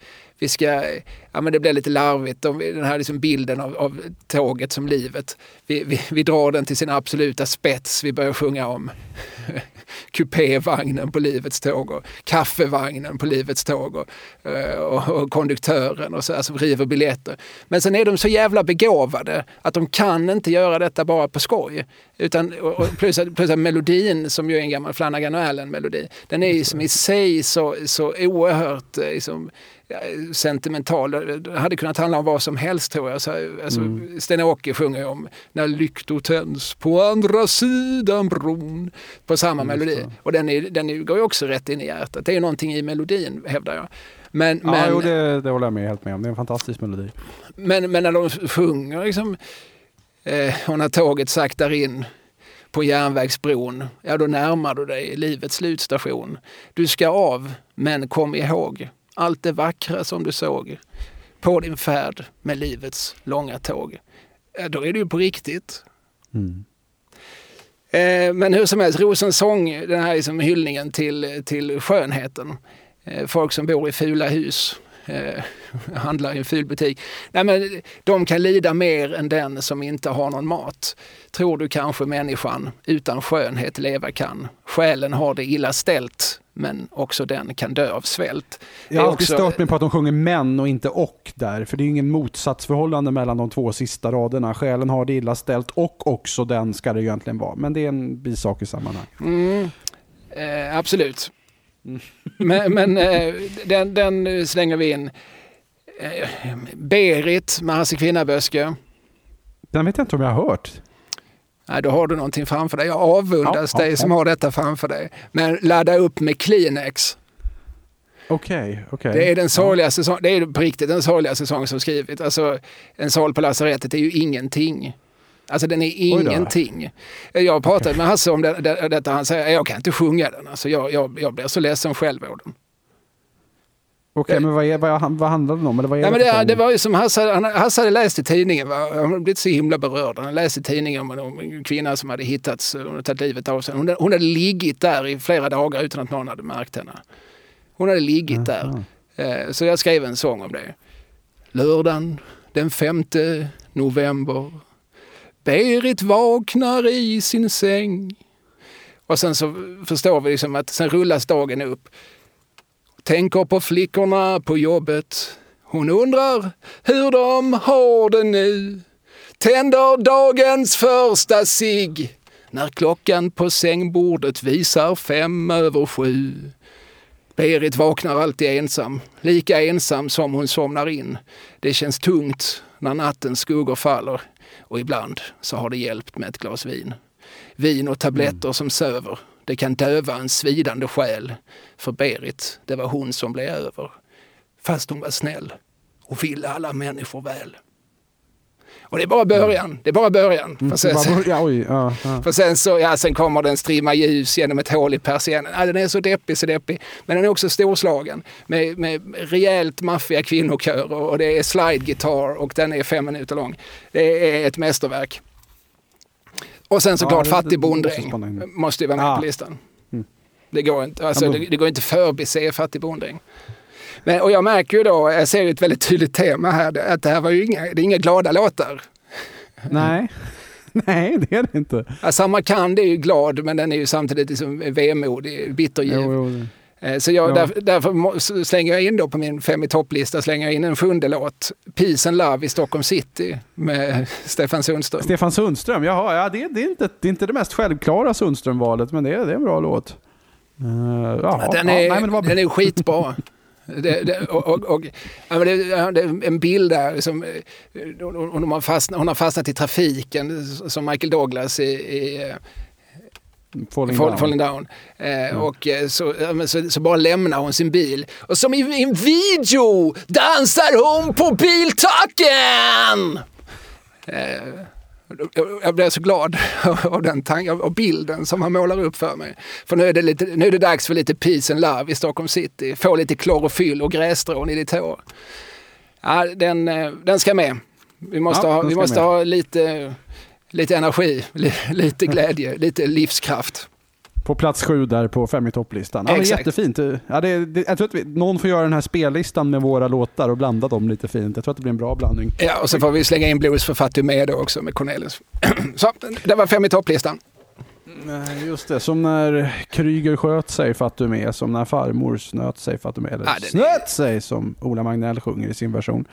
Uh, ja, det är en av Cornelis bättre, det håller jag helt med om. Ja, men också kunna mm. blanda bilder på det sättet, alltså, när elefanter dansar över rosornas bädd. Alltså, han börjar, men sen, sen så kommer han, liksom, vad det är, vers fyra eller så här. Jag minns när du var liten, du var så söt och snäll. Nu tänker mm. du mest på heroinet. Alltså, ja. Oj, ja, okej, det är det, detta det handlar om. Det, det, det, det är rakt in på benet, ja fy fan. Bland dansande elefanter är du en bagatell. Betänk det och torka väck flinet. Ja. ja det är bra. Det är bra alltså. Det är bra alltså. Det är jävligt bra grabbar. Det är bra grejer. Fy fan, det är bra grejer. Vi går vidare. Nu börjar vi prata kvalitet. Det är ju egentligen emot mina principer. Men, men eftersom jo, jag fick frågan. Jag vet, jag vet känslan. Men, ja. Och det var Pekka i Gävle. Pekka, jag, jag gissar att det är Pekka Alsen. Eh, ja, det är det ju. Som är en inbiten lyssnare. Uh, nej men ja, hej Eh, här är det, vem är det som frågar nu då? Då har jag inte noterat vem det är som skriver, har frågat det här. Det var ju lite skämmigt, men det är någon som frågar i alla fall. Hej! Eh, hur ser egentligen er topplista över märkligaste slash mest feltänkta snedtänkta svenska tv-produktioner ut? Eh, ja, och lyssnaren har som förslag bifogat Rema Natta, Grabbarna på Fagerhult, Tutti Frutti, Hello Sydney och Cluedo. Just vad Cluedo gör på den listan förstår jag inte riktigt, för jag tyckte jättemycket om Cluedo när det gick på 90-talet med Martin Timell som programledare och eh, Ruben Salmander och Grynet Molvig i casten. Men du, det blev bara en säsong. Jag tror det hade sina skäl. Det, är ju för, det var ju för övrigt Hasse Alfredson som skrev eh, så att säga casen. Var det det? Det hade jag, det hade helt gått mig förbi däremot. Ja, men så Jaha. var det. Men det var... Ja, det jag, jag, jag, jag, jag, är inte ens säker på att jag nämner det i hans biografi. Till, Nej, till... Det, det, känns som att jag skulle ha stött på det i så fall. Eh, eller, kommit ihåg det. Jaha, ja, nej, där ser man. Där ser man. Jag, jag har samma mejl framför mig. Det är Johan Kollberg, inom parentesen ah. inbiten lyssnare, som har ställt frågan. Ja, men den listan är väl ganska komplett. Man kan ju lägga till, som vi faktiskt redan har nämnt, då, Sitt vackert. Eh, mm. Intervjuprogrammet eh, Sven Melander gjorde med en animerad hund som sidekick. Och sen så... Ja, där Förutsägbart, men zigzag. Det är roligt, det, men det är roligt där att det är faktiskt, jag tror att det är ett år där, om det är så att det är på hösten 96 så är det först Sitt vackert som bombar, sen är det Sverige-Sovjet med Anders Lundin som bombar. Sen är det på vårvintern där, i januari 97, så är det Rena natta med Dr. David Waldfågel som totalt tog katastrofbombar. Och sen, där någonstans inser SVT, nu behöver vi någonting nytt. Och sen till hösten 97 kommer Expedition Robinson. Ja, det är jävla kristid på SVT Nya. Alltså de slänger ut sina chefer eh, alltså i parti och minut. Och även hon, eh, vad hon nu hette, danskan som beställde Expedition Robinson fick ju klä skott för det och bära hundhuvudet och, och, och, fick foten. Trots att det blev SVTs största nöjessuccé på tid och evighet. Eh, men nej, det, det, var, det var svettiga år för dem. Det var verkligen så desperata åtgärder. Men ska vi testa det här då? Vi, vi, här är några killar som har en animerad hund. Ska vi göra någonting med den? Eh, här är några som har en infrakamera. Ska vi göra något med den? Ska vi låta Triple and Touch gå runt i mörker? Kan inte det vara underhållning? Ja, just det, det var Sivert Öholm och Lasse Kroner var gäster i några, några avsnitt. Eller i något avsnitt. De hade i varje avsnitt av Rema att några kändisar fick vara gäster i mörkret och utsättas för vad de tävlande gjorde. Och jag tror att Sivert Öholm och Lasse Kroner skulle bli serverade mat i mörkret och att eh, Sivert Öholm fick en eh, kotlett i håret. Uh, det, var jag min det är som min minnesbild är i alla fall. Ja, ja och jo. programmet leddes av Dr. David Waldfågel som, som var också mm. ett oprövat kort. Vi kastar in den här figuren. Honom hade man sett lite grann i Släng dig i brunnen. Eh, och han, han, var en ganska rolig figur, väldigt skruvad. Prat, alltså, han, han gjorde en sorts, sorts eh, karaktär ja, och det, var det, som, det blev lite otydligt. Det var väl det som var problemet, att han skulle göra en drift med en hysterisk, konstig programledare, men eftersom hela programmet var så hysteriskt och konstigt och man dessutom inte visste vem David Waldfågel var från början, så blev det som att nej, han är nog bara så här hysterisk och konstig. Det, blev liksom, det var det som att sätta ett surrealism mot surrealism. Det funkar inte. Du måste ha surrealism mot realism. Ja, nej, det hade ju funkat med Kurt Olsson ett antal år tidigare. Fast eh, okej, okay, då kanske han var lite mer etablerad som figur figur men, men inte så mycket mer etablerad. Eh, alltså om man bara, man får ju hålla ut lite grann. Alltså, för det har jag säkert berättat i den här podden, men jag, jag minns första gången jag och min far såg Kurt Olsson ihop. Då hade han missat mm. den första eh, Kurt Olsson-serien. Alltså, så figuren var inte bekant för honom. Den var bekant för mig. Jag hade sett de här eh, när han är i kolonistugan, sin svärmors kolonistuga. Eh, så jag, jag var liksom bekant med uttrycket. Men nu var det, jag tror Totte Wallin hade ett program som kanske hette Tottes TV, där Kurt Olsson var gäst. Mm. Och liksom, då är det liksom helt kontextlöst. Här kommer Kurt Olsson och sen så kommer Kurt Olsson in och är liksom neurotisk och konstig. Och så sjunger han med damorkestern eh, Flickor bak i bilen. Och min far satt och ropade hela tiden Vilket pekoral! Vilket pekoral! Vad är pratar det här? Pratar pappa stockholmska? Han, han, han pratar inte mer så här, min far. Alltså han, jag, uh -huh. han pratar lite som, som PG Gyllenhammar. Det kommer bli en börsraket. Ett gammalt citat från min far. När han köpte in sig i en vattenfirma. Det kommer bli en börsraket. Uh, hur som helst. Han, alltså han, Vänta, var det PG eller din pappa? Som hade köpt in min, sig? Min far köpte in sig Aha. just i ett vattenbolag. PG hade väl lite mer täckning när han pratade med olika börsraketer. Ja, tänk, tänkte väl det. Ja. Mm. Eh, hur som skit. David Wallfågel, alltså SVT eh, slängde honom framför bussen. Det, jag blir väldigt upprörd alltid när jag tänker på sådana här saker. Liksom, eh, alltså, det, det, är alltid så, det är någon ryggradslös chef som, som har liksom beställt det här och sen så ser de det och så blir det inte så bra. Eh, och då kan man inte säga det att ja, men, Eh, men eh, håll ut, härda ut. Alltså, det, det, och det finns absolut de som tycker det är bra. Eh, och, eh, och den här figuren David Wallfågel, han är rolig om man bara eh, liksom, stannar vid honom och fattar, liksom, sätter sig in i sammanhanget. Utan istället så, nej men vi flyttar det här till en idiottid. Vi säger uttryckligen att vi, vi det här programmet, det skäms vi för. Alltså Lex grillad. Mm. Mm, som vi väl har mm. pratat om tidigare. Hur, hur ja. Annie Wigelius i synnerhet eh, är så, så, oerhört illojalt mot, mot de människor som, som, som upprätthåller hela industrin, det vill säga som programmakarna. Eh, alltså fortfarande flera år efteråt sa jag ångrar att vi gjorde det programmet. Det var ett dåligt program, usch och fy. Eh, alltså, chefer måste stå för sina beslut. De, de, de gör inte det utan de, de skyller väldigt mycket på varann och, och så när det råkar bli på vissa sätt. Nåväl, på samma lista så ska man väl kanske också då, zigzag nämnde jag som hastigast där. där liksom, men det är ju också klassiskt. Eh, det här katastrofprogrammet. Ja, just det. Det, skulle, det är 1988 väl och det ska bli uppföljaren till stora, den stora framgången med Rassel. Mm. Lördagsunderhållning på ett utsålt cirkus direkt sänt i tv. Mer, och här är det då det är Tommy Engstrand, det är Monica Dominik, det är Pa Neumüller.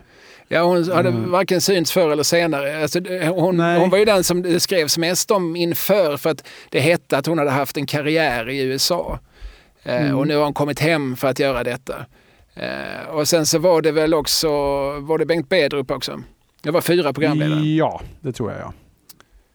Uh, det var i november 88. Precis. Ja, och sen så gick det ju dåligt i första programmet. Alltså, grejen var att alltså, det var ju en idiotidé. De, de, de plockar ju upp ett moment ur Rassel. Alltså, Rassel var ju liksom en helaftonsunderhållning där det hände massor med saker. Där det var liksom gäster med gester och Pang i bygget och, och eh, Mike Hammer-film och Black Adder. De visar massor med grejer. De hade liksom massor med roliga klipp, dolda kameran-klipp och, och gamla Monty Python-sketcher och sånt som de körde.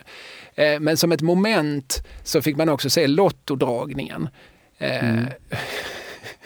Med den stora lottodragarapparaten Dracula. Ja, precis.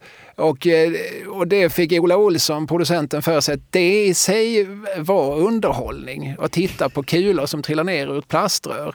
Så att då byggde han liksom ett helt koncept kring de här jävla siffrorna. Eh, så att beroende på vilka kulor, vilka siffror som kom ut så fanns det liksom eh, en, en lång lista på, på guldklimpar ur SVTs skrattkammare.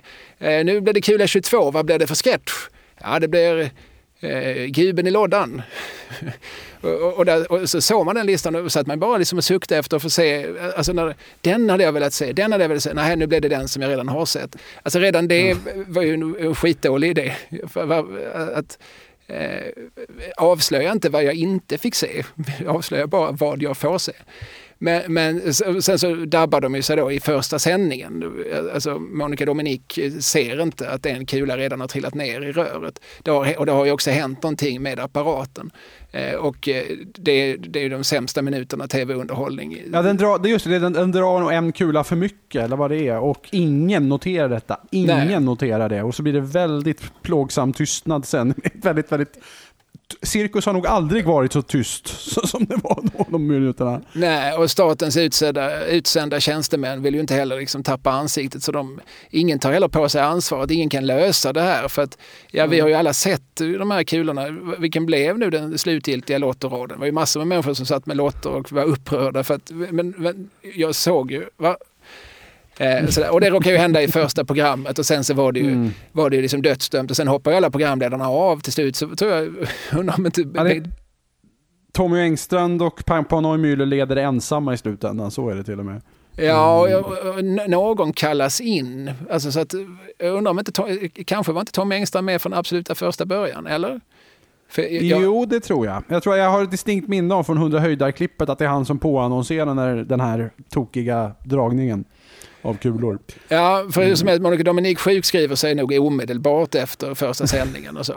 Och det är ju, det är ju katastrof och det är ju jättesynd om de inblandade på alla sätt och vis. Men, men det var också en mycket dålig idé från början.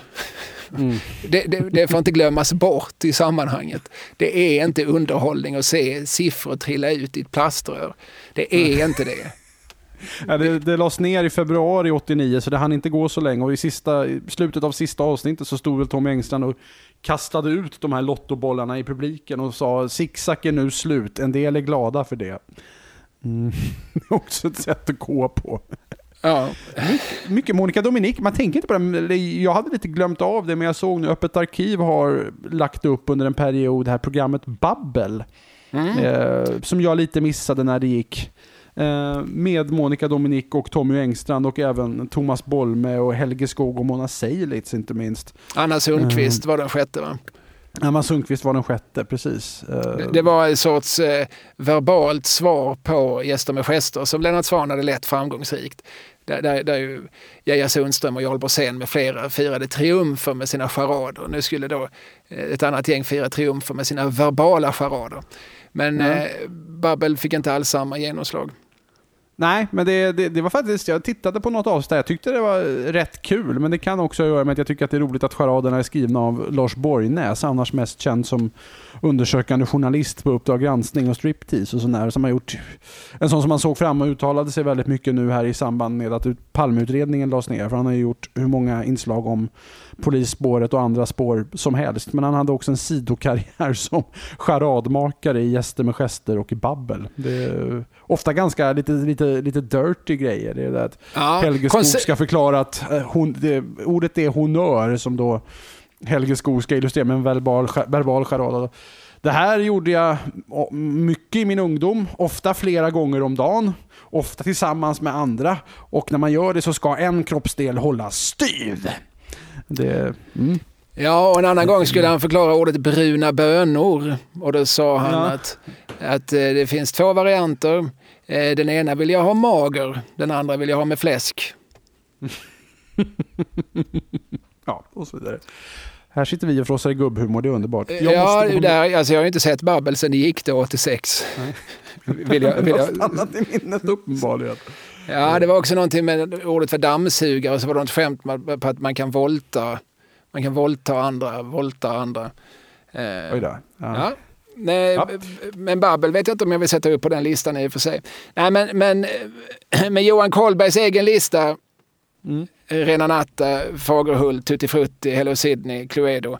Ja, absolut. Mm. Lägg till sitt vackert, zigzag, Bingo Royal med Mona Seilitz. Ja, Bingo Royal är faktiskt ett återkommande önskemål att du och jag ska tackla. Att vi ska göra ett La Morte om enbart Bingo Royal. Okay. Jag känner att jag måste sätta mig in lite närmare i Bingo Royal för innan jag, innan jag kan, kan återkomma till det. Vi går vidare här i frågehögen. Fredrik Jönsson frågar, är annonsera Åke Söderbloms pre bästa prestation? Uh, jag vet inte, alltså, det var länge sedan jag såg annonsera den här hur, svenska komedifilmen baserad på någon engelsk pjäs från 1930-talet. Uh, eh, men jag skulle nog säga att det är Tor Modéns bästa prestation. Det är Oj. så jag minns den i alla fall. Oj, uh, ja, då i så fall ska det ju ses. bra i Paradiset. Förlåt? Ja, i så fall ska den ju ses, för Tosse gjorde ju sällan dåligt ifrån sig. Han gjorde ju sällan en bra film, men han är ju alltid strålande. Nej, men som jag minns det så finns det i slutet där så är det någon, han är, om jag minns det här rätt nu, det var länge sedan jag såg annonsera, eh, men så är Tom Modéns rollfigur i den här filmen ganska länge skeptisk till reklam, men sen i slutet så får han, blir han helt övertygad och får något jättekonstigt spel där han far runt i någon lång, väldigt yster monolog där han liksom spottar ur sig säljklyschor och hur man ska gå tillväga. Och den, den scenen är fruktansvärt rolig. Och den, den kommer jag också ihåg för att Uffe Larsson gjorde Uffe Larsson var ju en stor vän av, av Tor Modena. han gjorde något program om, om Tosse som gick på SVT någon gång när jag var barn. Och där han just till och med faktiskt så här, körde hela den här scenen ganska sent i programmet och sa att det här tycker faktiskt jag är det absolut bästa Tormodén har gjort. Men ja, jag vet hur det är. Jag måste ju, jag måste ju avsluta med en äkta mexikanare. Så får det bli. Så får det bli. Och sen körde han en äkta mexikanare i slutet. Men han var noga med att påpeka att den är inte min favorit. Annonsera är min favorit.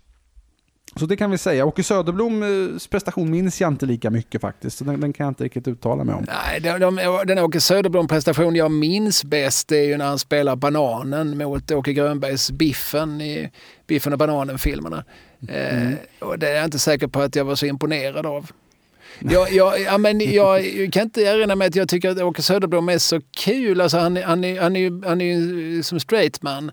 Alltså han, var ju, han var ju en maniskt aktiv människa och spelade i massor med filmer och skrev också oerhörda, oerhörda mängder schlagertexter. Och så Han, han är ju faktiskt vår Tommy Cooper. Han dog ju på scen. Mm. Eller han dog i mellanakten.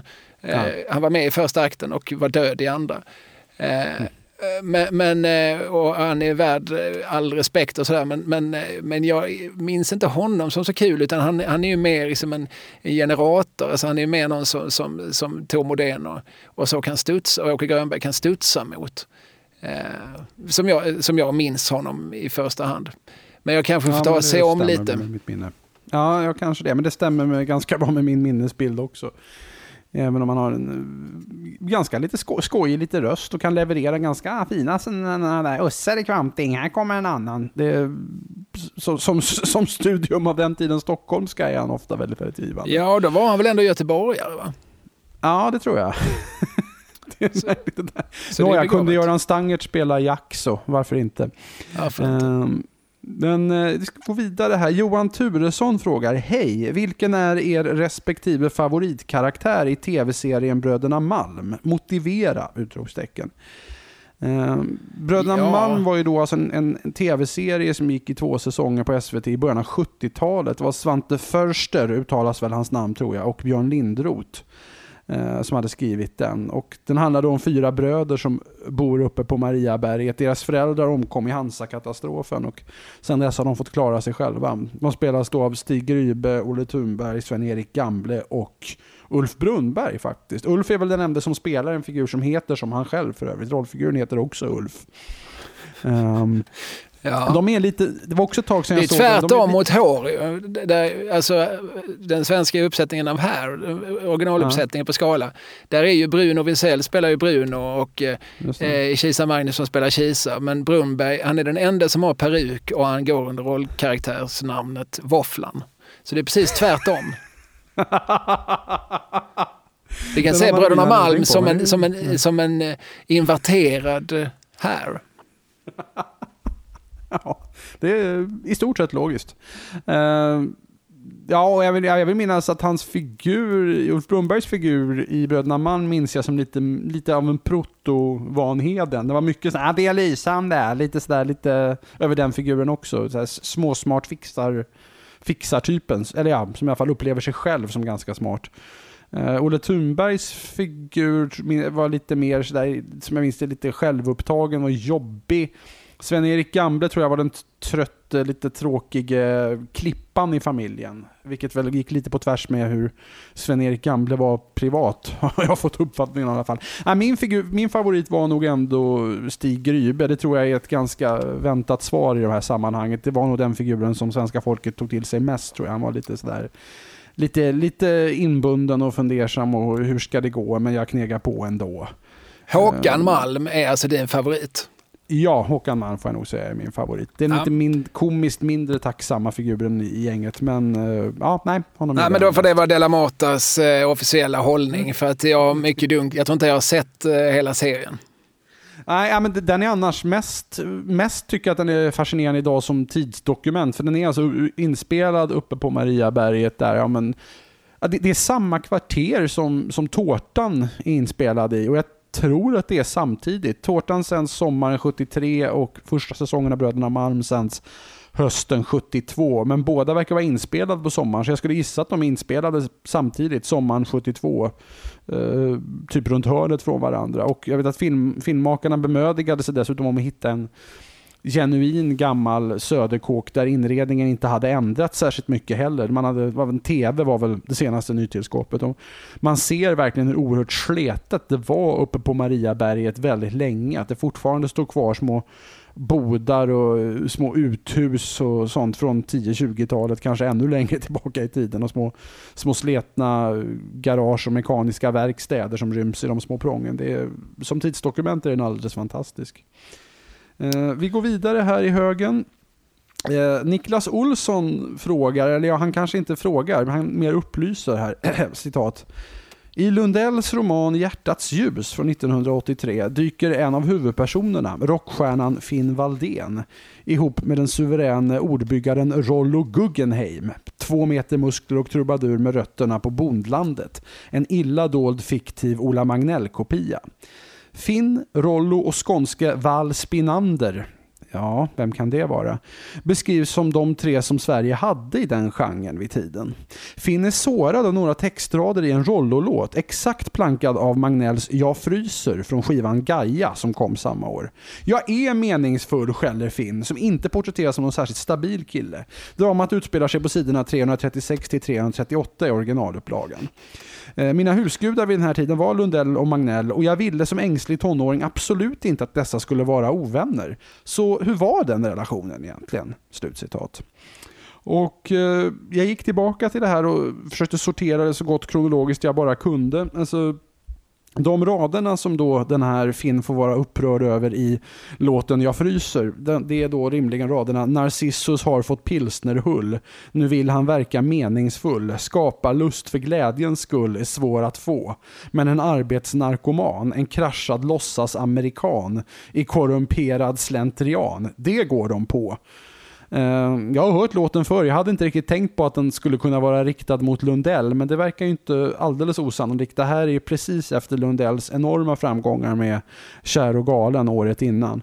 Eh, men det är också så att den här Uh, Gaia, den skivan som Ola Magnell gör, den kommer ut i maj och boken Hjärtats ljus av Ulf Lundell den kommer ut i oktober 1983. Så kronologin stämmer. Och jag hittade en notis från Aftonbladet i mars 1983 om ett gig som uh, den då relativt skivfärske Niklas Strömstedt hade på Atlantic. Jag tror att han precis hade gett ut sin andra soloplatta. Och där noterar galareporten Lasse Anrell att närvarande är just bland andra Ola Magnell, Ulf Lundell och Mats Ronander. Och att Magnell och Lundell står och har en, någon form av diskussion om huruvida Magnell verkligen tror sig vara den enda poeten i den här stan. Eh, då hade ännu inte Gaia kommit ut, men producent för skivan Gaia, vem var det? Jo, det var Mats Ronander. Och Det verkar ju då inte alldeles ologiskt att Mats Ronander, som ju också var god vän och samarbetade mycket med Lundell, mycket väl skulle kunna ha tipsat Lundell om att du på Olas nya skiva här så är det några rader som är riktade mot dig. Ehm, så det här kan alltså, det här som skildras i romanen att de står och bråkar i en, i en bar, det kan alltså mycket väl vara med sanningen överensstämmande. Jag vet inte om det är så viktigt kanske, men, men det, det skulle mycket väl kunna vara så. Kronologin stämmer och det finns små små indicier. Ja, eh, och Lundell skrev redan på den tiden ganska mycket dagboksprosa. Alltså han mm. skrev mm. väl in sitt liv så, så, som det gestaltar sig. Så att det, det är väl tänkbart, ja. I någon intervju i samband med Gaia så säger också Ola Magnell om att det är så svårt att komma fram i bruset för att just nu är det bara Lundell, Carola och ubåtar som får plats i media. Det här var ju under den stora ubåtsskräcken, Horsfjärden och eh, det som hände där i Karlskrona låg också ganska nära i tiden. Och Carola hade precis vunnit Melodifestivalen. Nej, men, eh, och jag hittade också Thomas Andersson Vi intervjuade Ola Magnell 2006 och då tar han upp att att han har fått bilden av att ja, men det var så att det fanns två läger i singer-songwriter-fansen. De som gillade Magnell och de som gillade Lundell och att de var lite osams. Eh, Magnell säger då ingenting direkt negativt om Ulf Lundell. Han säger att jag, jag läste Jack när den kom och jag uppskattade hans brist på pekpinnar och så där. Det upplevde jag som väldigt uppfriskande. Nu var det länge sedan jag lyssnade. Eh, men om det fanns en konflikt mellan våra fans då så, så miss, var, var det verkligen så? Jag missade det i så fall, säger han. Så We'll leave it at that. Men det kan alltså, som ett väldigt omständligt svar på din fråga Niklas, så kan den här situationen som beskrivs i boken mycket väl ha ägt rum på riktigt. Vi går vidare här. Kenneth Karlsson frågar och lyssnaren Per Johansson frågar ungefär samma sak. Vilka tre svenska komedifilmer genom alla tider är era favoriter? Mm. Vad skulle du säga där, Kalle? Eh, alltså, det känns så förutsägbart att nämna olika Hasse Tage-filmer så att jag säger Flickan från tredje raden av Hasse Ekman. Mm. Jag tycker nog faktiskt att den är bättre än Flicka och hyacinter rent av. Framförallt är Flicka och hyacinter absolut ingen komedi så den är ju ställd nej, utanför nej, diskussionen. Nej, det är det inte heller. Men ja. ja. Eh, en kille och en tjej av Lasse Hallström. Mm. Och Bert den sista oskulden av Thomas Alfredsson. Oh, ja, det var, det var, den har jag nog faktiskt inte sett om sen den kom. Då tyckte jag väldigt mycket om den. Det är Kajsa-Lisa Ejemyr spelar väl hans Love Interest vill jag minnas. Ja, men framförallt är det ju, alltså, den är ju väldigt 90-talistisk på många sätt och sådär, men det är också en, som en orgie i rolig, inspirerad casting. Alltså det är lite sådär som nu är någon som får hela verktygslådan. Eh, och så, ja men alltså vi behöver kanske inte fördjupa oss i detta, men de här två killarna, Anders och Sören, de, de är ju begåvade på det viset att, att, de, att de är outtröttliga. De, de, har, mm. de har ju skrivit långt över hundra böcker om Bert och Sune med flera. Eh, men de hade också lite grann turen att Stefan Apelgren tog tag i, i, i Sune och gjorde julkalender och sen Sune sommar. Och att ja. Thomas Alfredsson och någon annan som jag tappar namnet på tog hand om Bert och gjorde tv-serien Berts dagbok. Alltså väldigt formmedvetna. Och, och, killar som kom liksom verkligen från ett helt annat håll. Anders och Sören är ju som två Närkebonläppar eh, som tycker det är roligt med, med, med prutt och stånd och så. Och sen så kommer det som några eh, liksom med, från teatern, från reklamen, formmedvetet, stockholmskt eh, och, och liksom applicerar sina världar, sin, sin humor, alltså, smälter ihop det här. Eh, för, för att egentligen, alltså om man läser Sune-böckerna eller Bert-böckerna så finns det ju inte alls samma genialitet som, som finns i film och tv-versionerna. Eh, och Bertens historieskulden eh, är, alltså det är oerhört roligt att titta på för det är, mm, den är späckad med detaljer. Allt från att Lasse Berghagen spelar otäck rektor och Povel Ramel spelar eh, svär, eller mormor Yvonne Lombards Eh, pojkvän och, och sådär. Men, men till eh, jättekonstiga liksom, saker som händer i bakgrunden. Och så liksom, det, det, är väldigt maxat, den är liksom väldigt rik.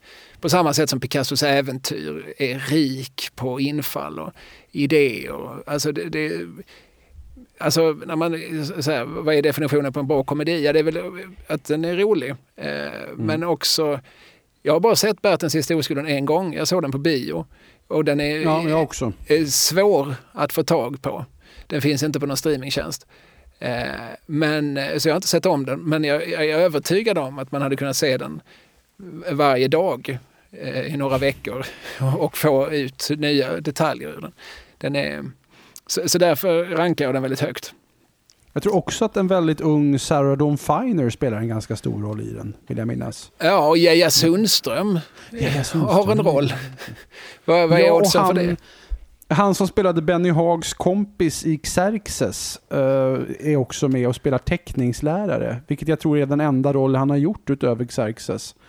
Uh, det är lite kul. Man gör en stor roll i tv-serien Xerxes 1987 typ och sen 1995 så är man med 30 sekunder som teckningslärare i Bertens sista oskulden. Och så det, det är det all film man gör helt enkelt.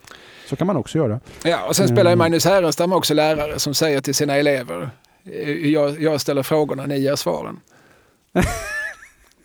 den hade jag glömt. Fan, vi måste rota fram den här. Jag säger nog Yrrol, repmånad och Åsa-Nisse i rekordform. Uh, ja. Sen, sen, går vi vidare här. Vi har fått faktiskt också en norsk fråga. Uh, ja. Vi har ju Jonas Backen som är vår inbitna lyssnare i i Norge. Han har skrivit ställt sin fråga på norska men jag försöker spontan översätta den till svenska. Till jubileumsprogrammet önskar jag höra er topplista över de tio mest betydelsefulla norrmännen i svensk populärkultur. Eller topp fem om det inte finns så många som tio. Är Jon Skolmen den klara nummer ett? Var kommer Grynet Molvig? Och Alf Preussen som samarbetade tätt med Ulf Peder Olrog? Ja, jag har gjort en tio topplista. Du har det? Ja men då så, då är det bara... Och jag kan berätta att Grynet Molvig kommer på plats sex. Okej. Okay. Eh. okay. Vi börjar från plats tio väl ändå? Vi börjar på plats tio, det säger Sissel ja. Kyrkjebø. Mm, ja men det är, det är ju rimligt. Eh, den norska julmusikens gigant. På nionde plats Bröderna Dahl.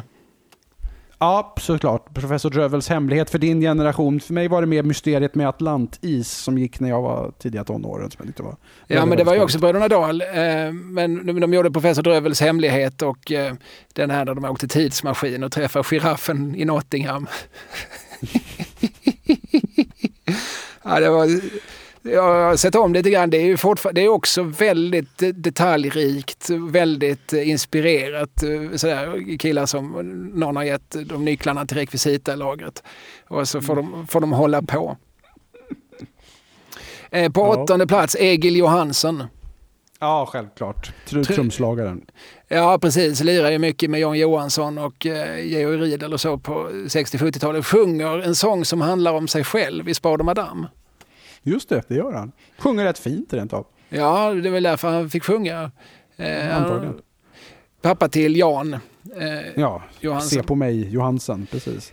Sjunde plats, Arve Opsal. Just det, det, det är ju ett namn. Det är det. Det de har, det har de i Lissabon. Vänta nu, vad gjorde Arve Opsa? Nu får jag skämmas här. Ja, han, var, han var en norsk komiker som också eh, som uppträdde en del i Sverige och som drog ett skämt.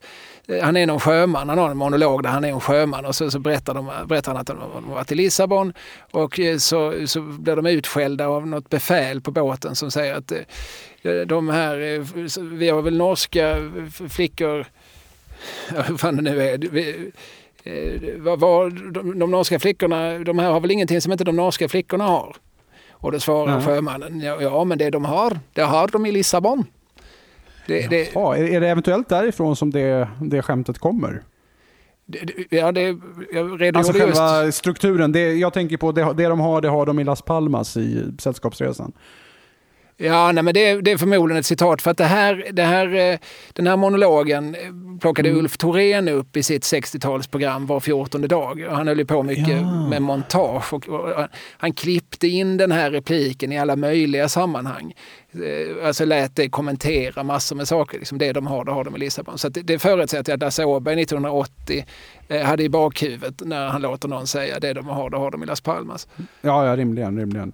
Eh, mm. och, men sen, sen var Järva Uppsala också med i originaluppsättningen av Pratmakarna. Jämte nämnde Stig Rybe, Carl Gustav, Mille Schmidt och eh, Eh, vem är den femte? Rolf Bengtsson va? Ja, det är Rolf Bengtsson är med. Precis, så Arve Uppsal. På sjätte plats ja. har vi Grynet Molvig då, som ju också ja. var med i Spade Madame. Det är en, en norsk tät föreställning. Gud, bara därför började jag tänka på när Hasse och Tage gjorde... De gjorde ju mycket stunts innan premiären av Spade Madame. Och ett var ju att Jarl Kulle skulle vara med, vilket tidningarna snällt basunerade ut. Men att då skickade Hasse och Tage en, en dementi där de skrev att nej, tanken var ju att Jarl Kulle skulle spela trummor i föreställningen men det visade sig att han var så dålig på kantslag som var väldigt viktigt i just den här föreställningen att man behärskade. Så därför har vi bytt ut honom mot Egil Johansen som är mycket bättre på kantslag trots att han är norsk. Ja, ja. roligt. Vidare på listan. Många pranks. Eh, femte plats faktiskt, Jon Skolman. Han ligger först på femte. Jaha, ja. ja. Det Ja, ja. ja. på fjärde plats en, en double feature, eh, Alf Preussen och Torbjörn Egener. Eh, båda två liksom norska eh, barnboksförfattare som vars verk då, å ena sidan Teskedsgumman som ju blev stor som julkalender och å andra sidan mm. Klas Klättermus och Folk och rövare i Kamomilla stad ju också är en del av en, av en svensk eh, barnbokstradition. Och där finns väldigt mycket överklivningar. Ulf Peder översatte bägge och det gjordes på 80-talet gjordes det en norsk filmversion av Folk och rövare. Och där var ju flera svenskar med. Lasse Åberg, Basse Brännström, Thomas von Brömsen. Ja. Eh, så, så, att de är liksom sådär lite hederssvenskar på något vis. Eh, Preussen och Egner. På tredje plats Wenche Myhre. Mm. Mm, som ju jobbar mycket med, med Povel. I, först i De sista entusiasterna och sen i två föreställningar, POV, show 1 och 2. POV. Just det, och sen Povel och även i Semlons gröna dalar. Och sen, jag såg dem i Knäpp igen på 90-talet. Där ju för även Grynet Molvig var med också och alternerade med Wenche Myhre. På andra plats Åd Schöneman. Ja, Flexners mamma. Eller ja, ja. hon har gjort väldigt mycket annat också. Hon var ju även med i Fredrikssons fabrik och vad har hon gjort mer för saker och ting? Ja, hon var ju också en återkommande gäst i Party Kvadrat med Fredrik Belfrage. Det var hon ja. Ja det var ja. faktiskt. Nej, men, alltså, och, och, på första plats såklart Rolf Wesenlund skulle jag ja. absolut säga. Alltså Flexnäs eh, storhet eh, kanske inte senare generationer kan förstå men, men, men Flexnäs under 70 och 80-talen så, så är han ju huge i både Sverige och Norge. Eh, mm. och, eh, och det är ju en svensk, Bosse Hermansson, som gör, som gör serien eh, i Norge. Och Eh, ja, men det, där, det finns verkligen liksom Sverige-Norge-kopplingar och Rolf Wesenlund är ju med både i Picassos äventyr och i Göta kanal. Ja, eh, och i eh, den i, skruvad film, eller skruvad är det inte, men Barna från Blåsjöfjället. Just det, den kommer 1980 någonstans ja. ja det är någon Jonas... sorts lite snällare version av Barnen på Frostmofjället i modern tappning. Ja, jag ser, snällare, Eller? ja det är den kanske, men framförallt är den ju, är den ju uppdaterad. Alltså där Barnen från Frostmofjället, de, de är väl föräldralösa. Mm. Vet du vem som skrev eh, Barnen från Frostmofjället? Ja, det borde jag ju kunna, men det gör jag inte. Det, kommer Nej, inte det är ju kvinnan med, med det roligaste författarnamnet i, i svensk litteraturhistoria. Laura mm. Fittinghoff hette hon. Just det. Hon heter Fittinghoff. Heter hon? Vad heter, den här Laura, vad heter hon? Hon heter Fittinghoff. Ja, Okej, okay. hon har även Mosebacke Monarki skojat om vill jag minnas vid något tillfälle. Jag var ja, med men... som barnskådis i Frostmofjället av Laura Fittinghoff. Det var innan man visste vad både Frostmofjället och Fittinghoff var för någonting. Ja, ja roligt, roligt. Mm. Eh, nej men eh, Jonas Hima, ja, den, den är moderniserad, den är uppdaterad sådär. Så jag, jag tror inte pappan dör utan det är nog snarare så att han Ja, jo, men det finns, det finns död hos föräldrarna där också. Men det är också någonting med att han är med och bygger någon inlandsbana eller sådär. Eh, men där är i alla fall Rolf Wesenlund med och det minns jag väldigt tydligt när vi såg den filmen i min, i min klass när jag kanske går i fyran, femman. Att då ropar halva klassen, det är ju Flexnäs! Mm. Så, vilket bara säger någonting om alltså, att Flexnäs var något som, som man förhöll sig till även om man var 9-10 år. Ja. Så att han, ja, han, är, han är på en klar första plats. Skolmen, absolut eh, Sällskapsresorna, absolut Nöjesmassakern. Eh, men eh, det är ju inte Flexnäs. Nej det är det inte. Alltså det, jag såg ju Flexnäs som barn så jag kan ju inte säga att jag inte har en sentimental relation till det. Men när jag såg om serien för några år sedan så kom jag inte ihåg så mycket annat än att jag tyckte att det var kul när jag var liten. Och det är mycket som man tyckte var kul när man var liten som man ser om nu och inte tyckte var, är, fullt så kul kanske. Men just Flexness tyckte jag var fruktansvärt roligt att se igen. Den här, mycket på grund av Wesenlund såklart, den här figuren som är, är väldigt rolig och som han gestaltar väldigt väl. Den, har ju, den är liksom tidlöst rolig på något sätt. Så, äh, jag, jag, jag ja. återbesöker gärna Flexness och jag skriver, skriver helt under på att Wesenlund ska vara på första plats. Men har du sett eh, den, den brittiska förlagan Hancock? Uh, nej, inte något helt avsnitt, bara små, små bitar. Ja, för de är, alltså där ser man ju också, eh, alltså, jag tror många blev liksom besvikna när de sa, va, byggde Albert Herbert och Flexness, var det, var det brittiska originalmanus? Alltså, skrev mm. de inte det själva och så här.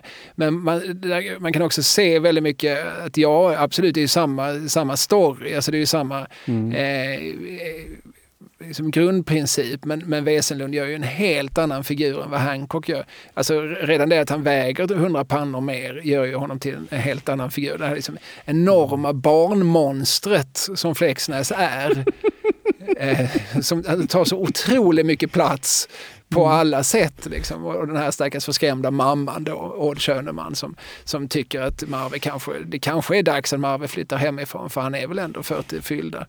Eh, och det tycker Marve är en mycket, mycket dum idé. Eh, för vem, hur ska han då betala hyran?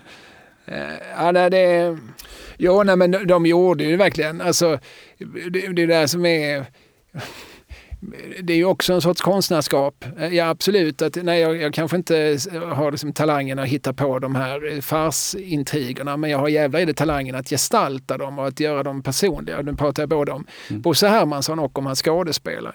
Det, blir, mm. det är ju någonting annat. Det är ju inte så att det bara är som en, att, det, att det nödvändigtvis är liksom trött, att man, att man, man tar någon annans grej och gör till sin. Det är ju inte, alltså, på teatern nej. är det ingen som tänker så. Det är väl Bergman, ska Bergman göra Hamlet Hamlet, vänta nu, den har väl andra människor redan gjort. Det känns det är väl gammal skåpmat. Vilken kultur handlar till syvende och sist inte om att ta lite gammalt och göra det till sitt? Det gör ju nästan allting. Nej men absolut, men, men att det är så rakt av, det, det, det, det var nog en besvikelse för mig när jag förstod det någonstans. Att, och, och när jag såg ett Hancock, såg ett avsnitt, men det är ju exakt samma avsnitt. Mm. Men, men det är ju samtidigt, sen i nästa steg så ser jag ju också att det är också två helt olika avsnitt. Mm. alltså det är samma, men man, jag, jag, jag, jag hade kunnat se det ena och sen det andra och ändå skrattat åt båda. För, ja. för, för, för, det är liksom olika tolkningar. Alltså, det är ju som covers. Eh, det finns ju väldigt motiverade covers. Mm. Marvin Gayes uh, Heard It Through the Grapevine är ju en cover på Gladys Knight and the Pips. Det är ju... Det är det, ja. Just det. Fortfarande tycker vi att Marvin Gaye gör den ganska bra. Jo, jo, jo, men precis så kan det ju vara. Eller med Jimi Hendrix och All Along the Watchtower och så vidare. Ja, ja precis. Eh, eh, absolut. Nej, men jag är helt med dig där på, på att, att eh, dra den Wesenlundska fanan och hålla den högt. Det tycker jag är fint. Eh, ja, men där fick vi den officiella listan. Ja, där har vi den officiella listan. Underbart. Vad fint att du gjorde den Kalle. Jag hade inte förberett någon nämligen, så det var bra att du gjorde. Och det var en väldigt bra lista också. Ja, tack, tack. Underbart. Ja, ja, ja. Mange tack. Eh, nu går vi vidare här innan vi blir för inställsamma gentemot både varandra och lyssnarna. Eh, Simon Rotelius frågar, har ni sett The Return of Jesus Part 2? Är den bra? Eh, det enkla svaret på din fråga Simon är att nej, eh, tyvärr inte. Och det, är lite skämmigt att jag inte har det. Alltså Return of Jesus är en Part 2 är då en väldigt märklig svensk film. Gjord, eller ja, ursprungligen kommer idén och den drivande kraften bakom den var Per Granberg som eh, artisten, sångaren i Karta 77, mannen bakom punkbolaget Birdnest och Köpings starke man. Han hade då den situationen på 90-talet att helt plötsligt gick ju det här väldigt bra, det som han gav ut eh, på sitt skivbolag Birdnest. Att Karta gick väl helt okej okay och de lyckliga kompisarna gick alldeles strålande och Dia Salma gick också alldeles strålande. Trallpunk var liksom på mordet så det, det sålde bra och det kom in pengar. Vad ska vi göra med alla de här pengarna? Och en liten del av sina pengar valde då Per Granberg i ett ganska typiskt Per Granbergskt move på att sprätta iväg på att göra en westernfilm i Köping på någon sorts märkligt låtsaspråk, en blandning av svenska, tyska, engelska och lite annat. Och med ganska känt folk i olika roller. Carl-Johan De Geer spelar storskurken vill jag minnas. Hans svarta slav spelas av Alice Ba. Eh, Thomas Hansson och Lena Endre dyker också upp. Adam Alsing är någon sorts konferencier på en, på en saloon som blir skjuten. Och så är det väldigt mycket svenska punkmusiker. Johan Johansson, våran kompis, dyker också upp i en skurkroll. Jättemycket Birdnest-artister på soundtracket. Men den här filmen blev väldigt obskyr. Jag tror att då visades den nog bara gånger, några gånger 96-97 där på några filmfestivaler och särskilda event. Och sen gick den ju verkligen inte att få tag i fram tills för några år sedan då den kom på DVD. Och i samband med det så blev jag bjuden till Köping för att hålla i en visning med, av den här filmen och intervjua Per Granberg innan visningen. Eller rättare sagt, jag blev erbjuden att göra detta men var tyvärr redan uppbokad den kvällen. Så jag med mycket, mycket tungt hjärta så fick jag säga nej till detta.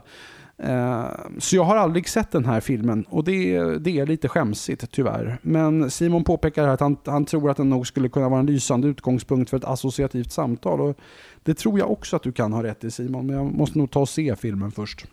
Har du sett den? Nej.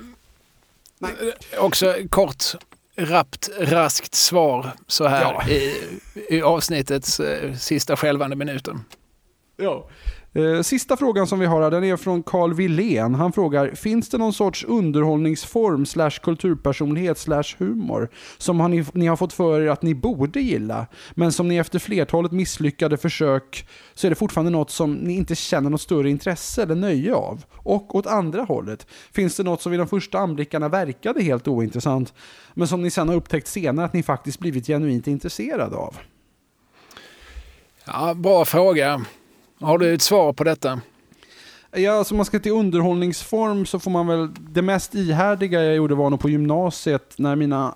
Jag umgicks ju mest med subkulturfolk och de vurmade nästan allihop jättemycket för anime och för fantasy, eller i alla fall för Tolkien. Och jag försökte jättetappert med båda. Jag vet inte hur många gånger jag försökte läsa Sagan om ringen. Jag kom aldrig längre in än hundra sidor. Och jag vet inte hur många olika animekvällar jag hängde med på när det visades animefilmer nätterna igenom på obskyra ställen i Stockholms förorter. Eh, jag försökte verkligen, men de, ingenting, ingenting av det gjorde någonting för mig så att säga. Jag har försökt även senare i livet med Akira och Ghost in the Shell. Det är liksom inte särskilt lång, eller Ghost in the Shell är väl kanske bara 70 minuter, så den är väldigt så här ganska kort film och jättehögt tempo, men jag sitter efter fem minuter och är monstruöst uttråkad. Så jag, det har jag fått, jag har fått förstå att fantasy och anime är inte riktigt för mig, helt enkelt. Så är det. Nu vet jag att anime innehåller jättemycket olika genrer, men varenda gång jag har försökt mig på asiatisk tecknad film så har jag blivit uttråkad. Det är en, det är en brist hos mig. Har du något sånt? Ja, jag skulle kunna säga ungefär detsamma. Alltså fantasy, mm. absolut. Eh, jag är ju äldre än du, eh, men på mellanstadiet gjorde jag verkligen tappra försök att läsa Lloyd Alexanders eh, Taran-böcker. Just det, de ja. Och C.S. Lewis, Narnia och Tolkien och vad som fanns vid den, vid den tiden. Det var liksom rollspel, äventyrsspel hade börjat ge ut Drakar och Demoner och Mutanter och Chock och, och Eh, jag försökte förstå och jag, köpte, jag önskade mig de här jävla rollspelen. Även Sagan om ringen-rollspelet önskade jag mig och hade men jag åker aldrig igenom regelboken. och så spelade vi några gånger med några, några kamrater. Vi hade till och med en spelklubb som heter Spelträsket och eh, vi, vi, vi, vi, träffades på fredagar och eh, spelade rollspel och åt exotisk frukt. Men, men det var tradigt. Jag, jag upptäckte, men jag bryr mig inte. Jag, det här jag, jag, tycker inte det här är så kul. Jag, jag, Men har du någonting annat rolig. då? Någonting som inte verkade så kul till en början och som sen, du sen har börjat uppskatta? Du gillar väl Game of Thrones numera? Ja, men det, det, ja, precis. Jag, jag, sen jag, alltså från den minuten jag började titta gillade jag den. Men, men det dröjde väldigt mm. länge innan jag satte mig framför eh, tvn. För jag anade att det här kommer inte att vara för mig, för att jag gillar ju inte drakar. Så absolut, men det finns ju undantag från, från alla sådana regler. Science fiction, alltså jag kan ju ändå nämna ett antal science fiction-filmer jag har gillat. Men jag är fortfarande inget sci-fi-fan. Ja, men jag gillar mm. ju Alien såklart, jag gillar Apornas planet, jag gillar De tolv apornas armé. Det finns ju jättebra sci-fi-filmer. Men, jag, mm. men genren i sig har inget intresse hos mig. Eh, jag tycker även flera av Star Wars-filmerna är, är genuint underhållande. Men, men, men jag bryr mig inte, jag är inte ett fan. Eh, mm. Men där skulle jag snarare säga fotboll. Jaså? Jag skulle... det, är, det är en skräll ändå får man säga. Ja, alltså jag skulle fortfarande inte få för mig att titta på en fotbollsmatch. Men jag, jag är väldigt road av, min, mina söner eh, spelar ju fotboll och framförallt tittar de på fotboll. Min 17-åring kan ju ge liksom väldigt alltså goda analyser av olika spelstilar och, och, och klubbars historia och klubbars identitet och, och eh, och olika spelarprofiler och sådär. Det, det, kan jag ju på... Okej, okay, men det här är ju lite spännande. Inte minst ur ett Malmö-perspektiv så tycker jag som MFFs historia och den gamla konflikten mellan MFF och IFK Malmö och så, mellan de blåa och de gula. Eh, tycker jag är genuint underhållande. Men, men, men att, jag, jag har varit och sett en match en gång med, med min lillkille och eh, ja, ja, nej. Det, det kan jag, tänka, jag kan, vi kan göra det igen, men jag kommer inte ta initiativet. Nej men dynamiken kan ju vara skoj. Det som för bakom, bakom kulisserna kan ju vara jättespännande på det där Della Sport-sättet. Ja, det, det, kan det absolut. Men sen, men sen, är jag ju inte en kollektivmänniska. Jag, jag tycker inte om att gå på konsert heller. Jag tycker inte om att dela upplevelser med, med andra människor. Det är nästan så jag vill att det bara ska få vara slutordet för det här jubileumsavsnittet. Jag gillar inte att dela upplevelser med andra människor. Nej, jag tycker inte om eh, stämningen på, på en läktare och så här. Eh, eh, folk säger liksom, och, och Håkan på Ullevi, alltså det var 72 000 människor i publiken och så sa han mm. upp med händerna och så var det 144 000 händer i publiken. Det var helt fantastiskt jag kan bara associera till Nürnbergdagarna. Alltså, ja, men den, den har jag också. Jag har vid något tillfälle när jag var i tonåren försökte jag gå i demonstrationer men jag mådde bara för illa av att nu ska ni göra så här och så gjorde alla så här och jag kände när nu är vi helt upp. Nu ska vi helt ge upp det egna tänkandet här. Nu ska vi bara inordna oss och det var någonting som bara nej, aldrig mer. Och sen dess har jag faktiskt aldrig gått i någon demonstration. Alldeles oavsett hur gott syftet är så blir jag, jag blir för obekväm helt enkelt. Det känns som att det kan slå över när som helst till någonting jag inte vill vara med om. Nej, men samtidigt så, så blir, kan jag bli väldigt rörd och få liksom gåshud och sådär av kollektiva yttringar. Alltså när jag inte själv är en del av dem, när jag ser dem på tv och sådär. Liksom många gemensamt eh, gör någonting, jobbar mot samma mål och så. Det är, liksom, det är en vacker tanke och en vacker handling. Men, men, men, ja, men jag känner mig alltid, jag blir så oerhört självmedveten i, i en flock. Mm. Och, och, och, måste, alltså det, det, är ju som den där, liksom en konträr sida som man har sen, om man liksom växte upp eh, i en småstad som, som liksom varande någon slags enmans subkultur. Alltså att man ifrågasätter alltid, men vänta nu, det här kanske inte är så bra förresten. Eh, jag har köpt biljett här för 500 kronor, men vänta nu, eh, tycker alla de här att det är bra? Men det kanske inte är så bra vid närmare eftertanke. Mm. Det är ju egentligen jävligt osympatiskt, men, men ja i am what I am. Som ja, Karl Alfred sa. Precis. ja, det är du sannoliken. Och med det kanske vi ska ta och stänga frågelådan och tacka så mycket för, ja, dels att ni har lyssnat på detta jubileumsavsnitt, men också tack för alla, återigen tack för alla fina ord som ni har skickat in och för för alla frågor. Det var väldigt roligt, det var väldigt roligt att göra det här. Det här måste vi, vi göra igen. Vänta, det, vi kommer varannan vecka så att det är liksom, ja det kommer dröja två år då till avsnitt 100 om vi fortsätter. Vi får väl se om vi trycker in ett, ett, ett till sånt här redan om, om ett år vid avsnitt 75 eller när det kan bli. Men jag tycker definitivt vi ska ta och göra det igen. Har vi eh. tid kvar så har ju även Harry ställt en fråga där han vill att vi ska lista de 50 verk som skulle ingå i en svensk kulturkanon. Men det kanske oh. vi inte hinner. Jag tror inte det. Har vi något verk som vi kan nämna som vi tycker skulle ingå i någon svensk kulturkanon? Vi har ju redan nämnt några stycken när vi pratat om komedier ja. och låtar här. Eh, men eh, vi kan väl eh, säga Flexnäs. Ja, definitivt. Jag är helt med på Flexnäs. Flexnäs och det alltså, Evika av Tegnér. Det, är precis. Den, den, den norsk-engelska serien Flexnäs, den vill jag ha med i svensk kulturkanon. ja, ja, jag också. Jag också. Eh, innan vi slutar här då bara, visste du att i oktober 1980 så var tidigare nämnda Ulf Lundell med i Expressen och svarade på läsarnas frågor? Eh, signaturen Lill Lindfors frågar, vad är du rädd för? Eh, och Ulf Lundell svarar, hundar, människor och rosor. Eh, nej, det visste jag inte. jag, tyckte, ja, det var väl ganska, jag brukar säga djur, eld och tystnad. När folk mm, frågar mig. Eh, men, men eh, jag, det var så mycket, jag blev förvånad, alltså, som förvirrad här. Lill, I signaturen Lill Lindfors, vad är du rädd för? Det är ju en låt Lill Lindfors har gjort, så det var ju roligt att, uh, att, att det fick bli frågan. Alltså låttiteln blev frågan. Jo men, men mm. eh, en, eh, en av våra lyssnare har också liksom, tagit upp ett gammalt Lundell-citat. Eh, för, som också, det kanske är från en senare period, men apropå Magnell och Lundell eh, så, så fick Lundell också frågan vad han tyckte om Uggla. Och svarade då, eh, vi har de rockstjärnor vi förtjänar. det är ett väldigt bra svar. Väldigt bra svar. Det, det toppar ju inte hans Mona Sahlin-svar, men... men eh, vilket, vänta, vilket var det nu igen? Ja, det har, vi, har jag dragit tidigare här, men, men Lundell fick frågan, vad har du att säga om Mona Sahlin? Ja, det är Janne Anderssons syrra. Ja, Okej, okay. kan du utveckla det? Stora syrra.